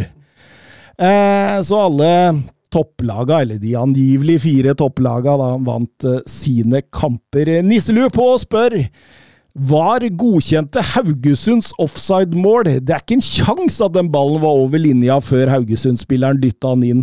Etterpå fikk de kritikk for å bruke for lang tid.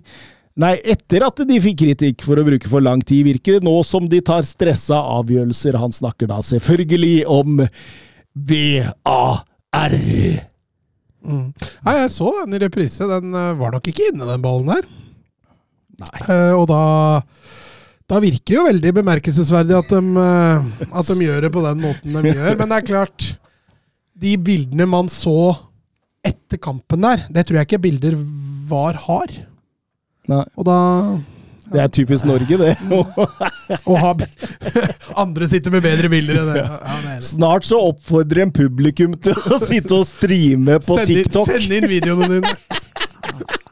Altså, jeg, jeg har sagt før hva jeg mener om det opplegget. Det, ja, jeg trenger ikke å si noe mer. Nei, det er sånn altså, jeg, jeg, Skandale, det VAR-greiene i Norge, ass. ja, jeg, det er helt enig med deg. Altså, du, du kan ha VAR.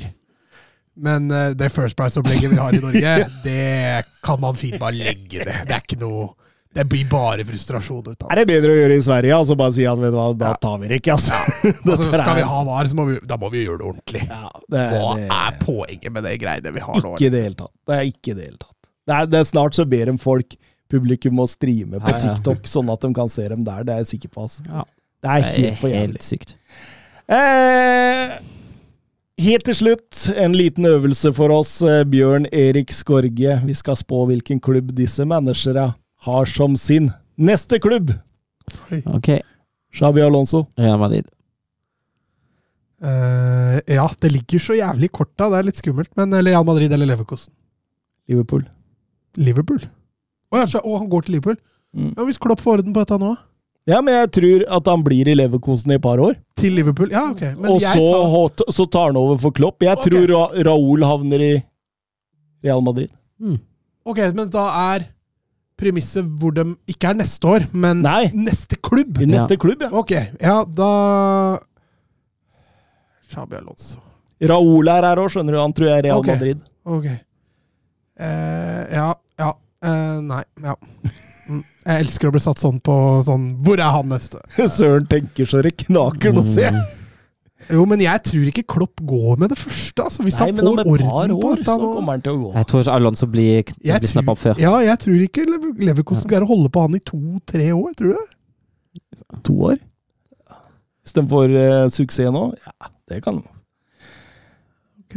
Nei, eh, men, men dere, er- dere er jo hjertelig velkommen til å ha deres tips, da. Glasgow Rangers. jeg, sa- jeg, sa- jeg sa jo Real Madrid. Ja. Nei, jeg står på Real Madrid, jeg, Altså. Ruben Amorim. Oh. Chelsea. ikke det et godt tips, da? Den brenner jo gjennom trenere nå som Nok en sånn lagbygger, da. Ja, og det er de jo flinke til å ansette når de ikke trenger det. Wolverhampton. Ja, det, det, det blir noe sånn Crystal Palace. Roberto Di Serbi. Og nå har jeg nesten lyst til å si Manchester City, men det tror jeg blir snappa før nå. Chelsea. Ja, det kan tenkes. Ja, ja Chelsea. er, det er ja. godt tips. Ja, Chelsea. Chelsea. Chelsea er bra. Antonio Conte. Eh, Houston Dynamo. Ja, eller Al Nasser. Juventus. Ja, ja, det kan tenkes. Tar over til Allegri etter Nei, sesongen. nei, nei, nei. Juventus som skylder mer enn Barca. Han får jo ikke kjøpe noen ting hvis han går dit. Nei, nei, nei. Det, det er, hvis han ikke har lært av det, da ja, Nei, jeg tror ikke noe på det. Kjøper mindre enn han får i Tottenham, liksom. Ja, ikke det heller. Han må jo selge.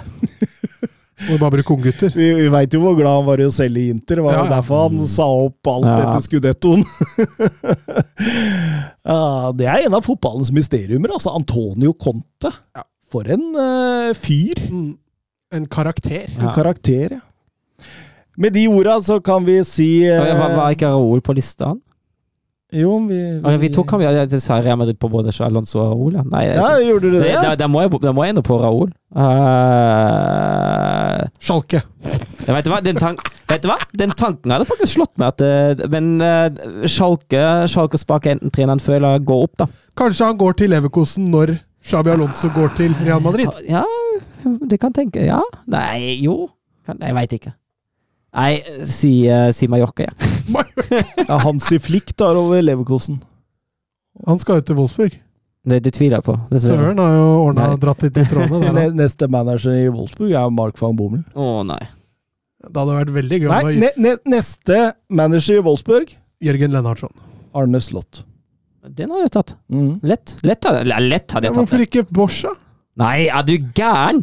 Vaskemaskina mi. Men Bosch, Bosch jo, men Nå får jo også snart eh, uh, Rudi Garcia fyken. Kanskje han hadde Nei, nei, nei. nei. det hadde vært typisk at Wolfsburg hadde snappa opp Rudi Garcia. men Bo, altså Bosch, Bosch, har, Bosch har mislyktes to ganger i Bundesliga nå. Jeg kan ikke se for meg at uh, av en av toppklubbene i Bundesliga rører ham igjen. da. Jeg tror ikke det. Ten Hag blir vel kanskje ledig snart? Nei, han er tatt i Wolfsburg. Ja, selvfølgelig. Andre. Definitivt. Eh, ha det bra! Ha det.